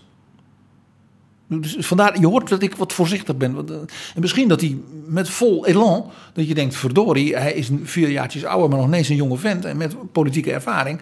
Die zet daar wel zo'n fired up, ready to go Ja. eh, sfeer neer. Maar ik weet het niet. Mag ik een suggestie doen? Lilian Marijnissen. Want zij kan benadrukken dat wat ze dan in de SP noemen het neoliberalisme nu echt zijn langste tijd gehad heeft. Dat zelfs andere partijen ook in hun programma's sociale dingen hebben staan, meer dan vier jaar geleden. Maar dat je voor het origineel eh, bij de SP moet zijn. Dat is een dodelijke. Dat is er namelijk een van Jean-Marie Le Pen. Waarom zou u de kopie nemen als u het origineel kunt krijgen? Dat is niet helemaal Obama. Ik zat nog aan iemand anders te denken, heel even. Maar ook weer, net als bij Klaver, mm, deels, deels. En dat is Wopke Hoekstra. Dat een nieuwe, jonge vent, dynamisch, eh, ja, waarvan dus de substitutes, de, de klassieke eh, achterbannen zeggen: nee, geef hem nou die kans. Ja, dat wordt wel wat. Dat zou dus ook een beetje kunnen. Maar je hoort al, Nederland is natuurlijk toch geen land van Obama's. Dat blijkt hieruit. PG, ik denk dat de campagneteams van 2021 hebben zitten meeluisteren. Dus wellicht gaan we een aantal elementen terugzien de komende weken. We zouden een soort bullshit bingo hiervan kunnen maken, Jaap. De Rose Garden Campaign, de Whistle Stop Campaign, La Force Tranquille. Keine experimenten. Labor isn't working. Yes, we can. Het zijn stuk voor stuk voorbeelden uit campagnestrategieën die ook nu nog kunnen worden toegepast. En Jaap, weet je op wie ik ook ga letten? Op die substitutes. Of dus die campagneteams, dus echt strategisch denken. En dus weten hoe ze het interessante en soms riskante, hè, zoals we zagen, middel van de substitute weten in te zetten. Weet je wat, PG? Als de campagne voorbij is, als de stemmen geteld zijn, dan gaan we nog een keer terugblikken op de campagne van 2021 aan de hand van deze elementen. Jaap, ik beloof je dat we dat zullen doen.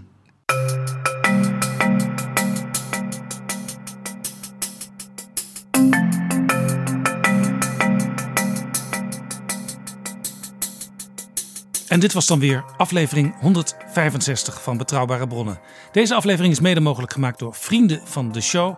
Mensen die misschien wel, zoals jij, een bedrag hebben gedoneerd via de site Vriend van de Show. En heb je het nog niet gedaan, doe dat ook. Je kunt zelfs een bericht achterlaten, zoals Milko deed.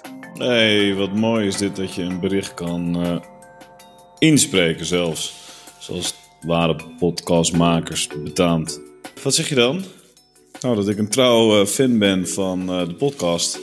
En dat ik al vele, vele uren in jullie vertrouwde gezelschap heb doorgebracht. Jaap en, en PG. Eh, dank daarvoor. Dank voor de humor die jullie onderling met elkaar hebben en die aanstekelijk werkt. Dank voor de verdieping en de achtergrond en eh, de nuance. Vrienden van Betrouwbare Bronnen, u bent meer dan welkom. En tot volgende keer. Betrouwbare bronnen wordt gemaakt door Jaap Jansen in samenwerking met dag en nacht.nl.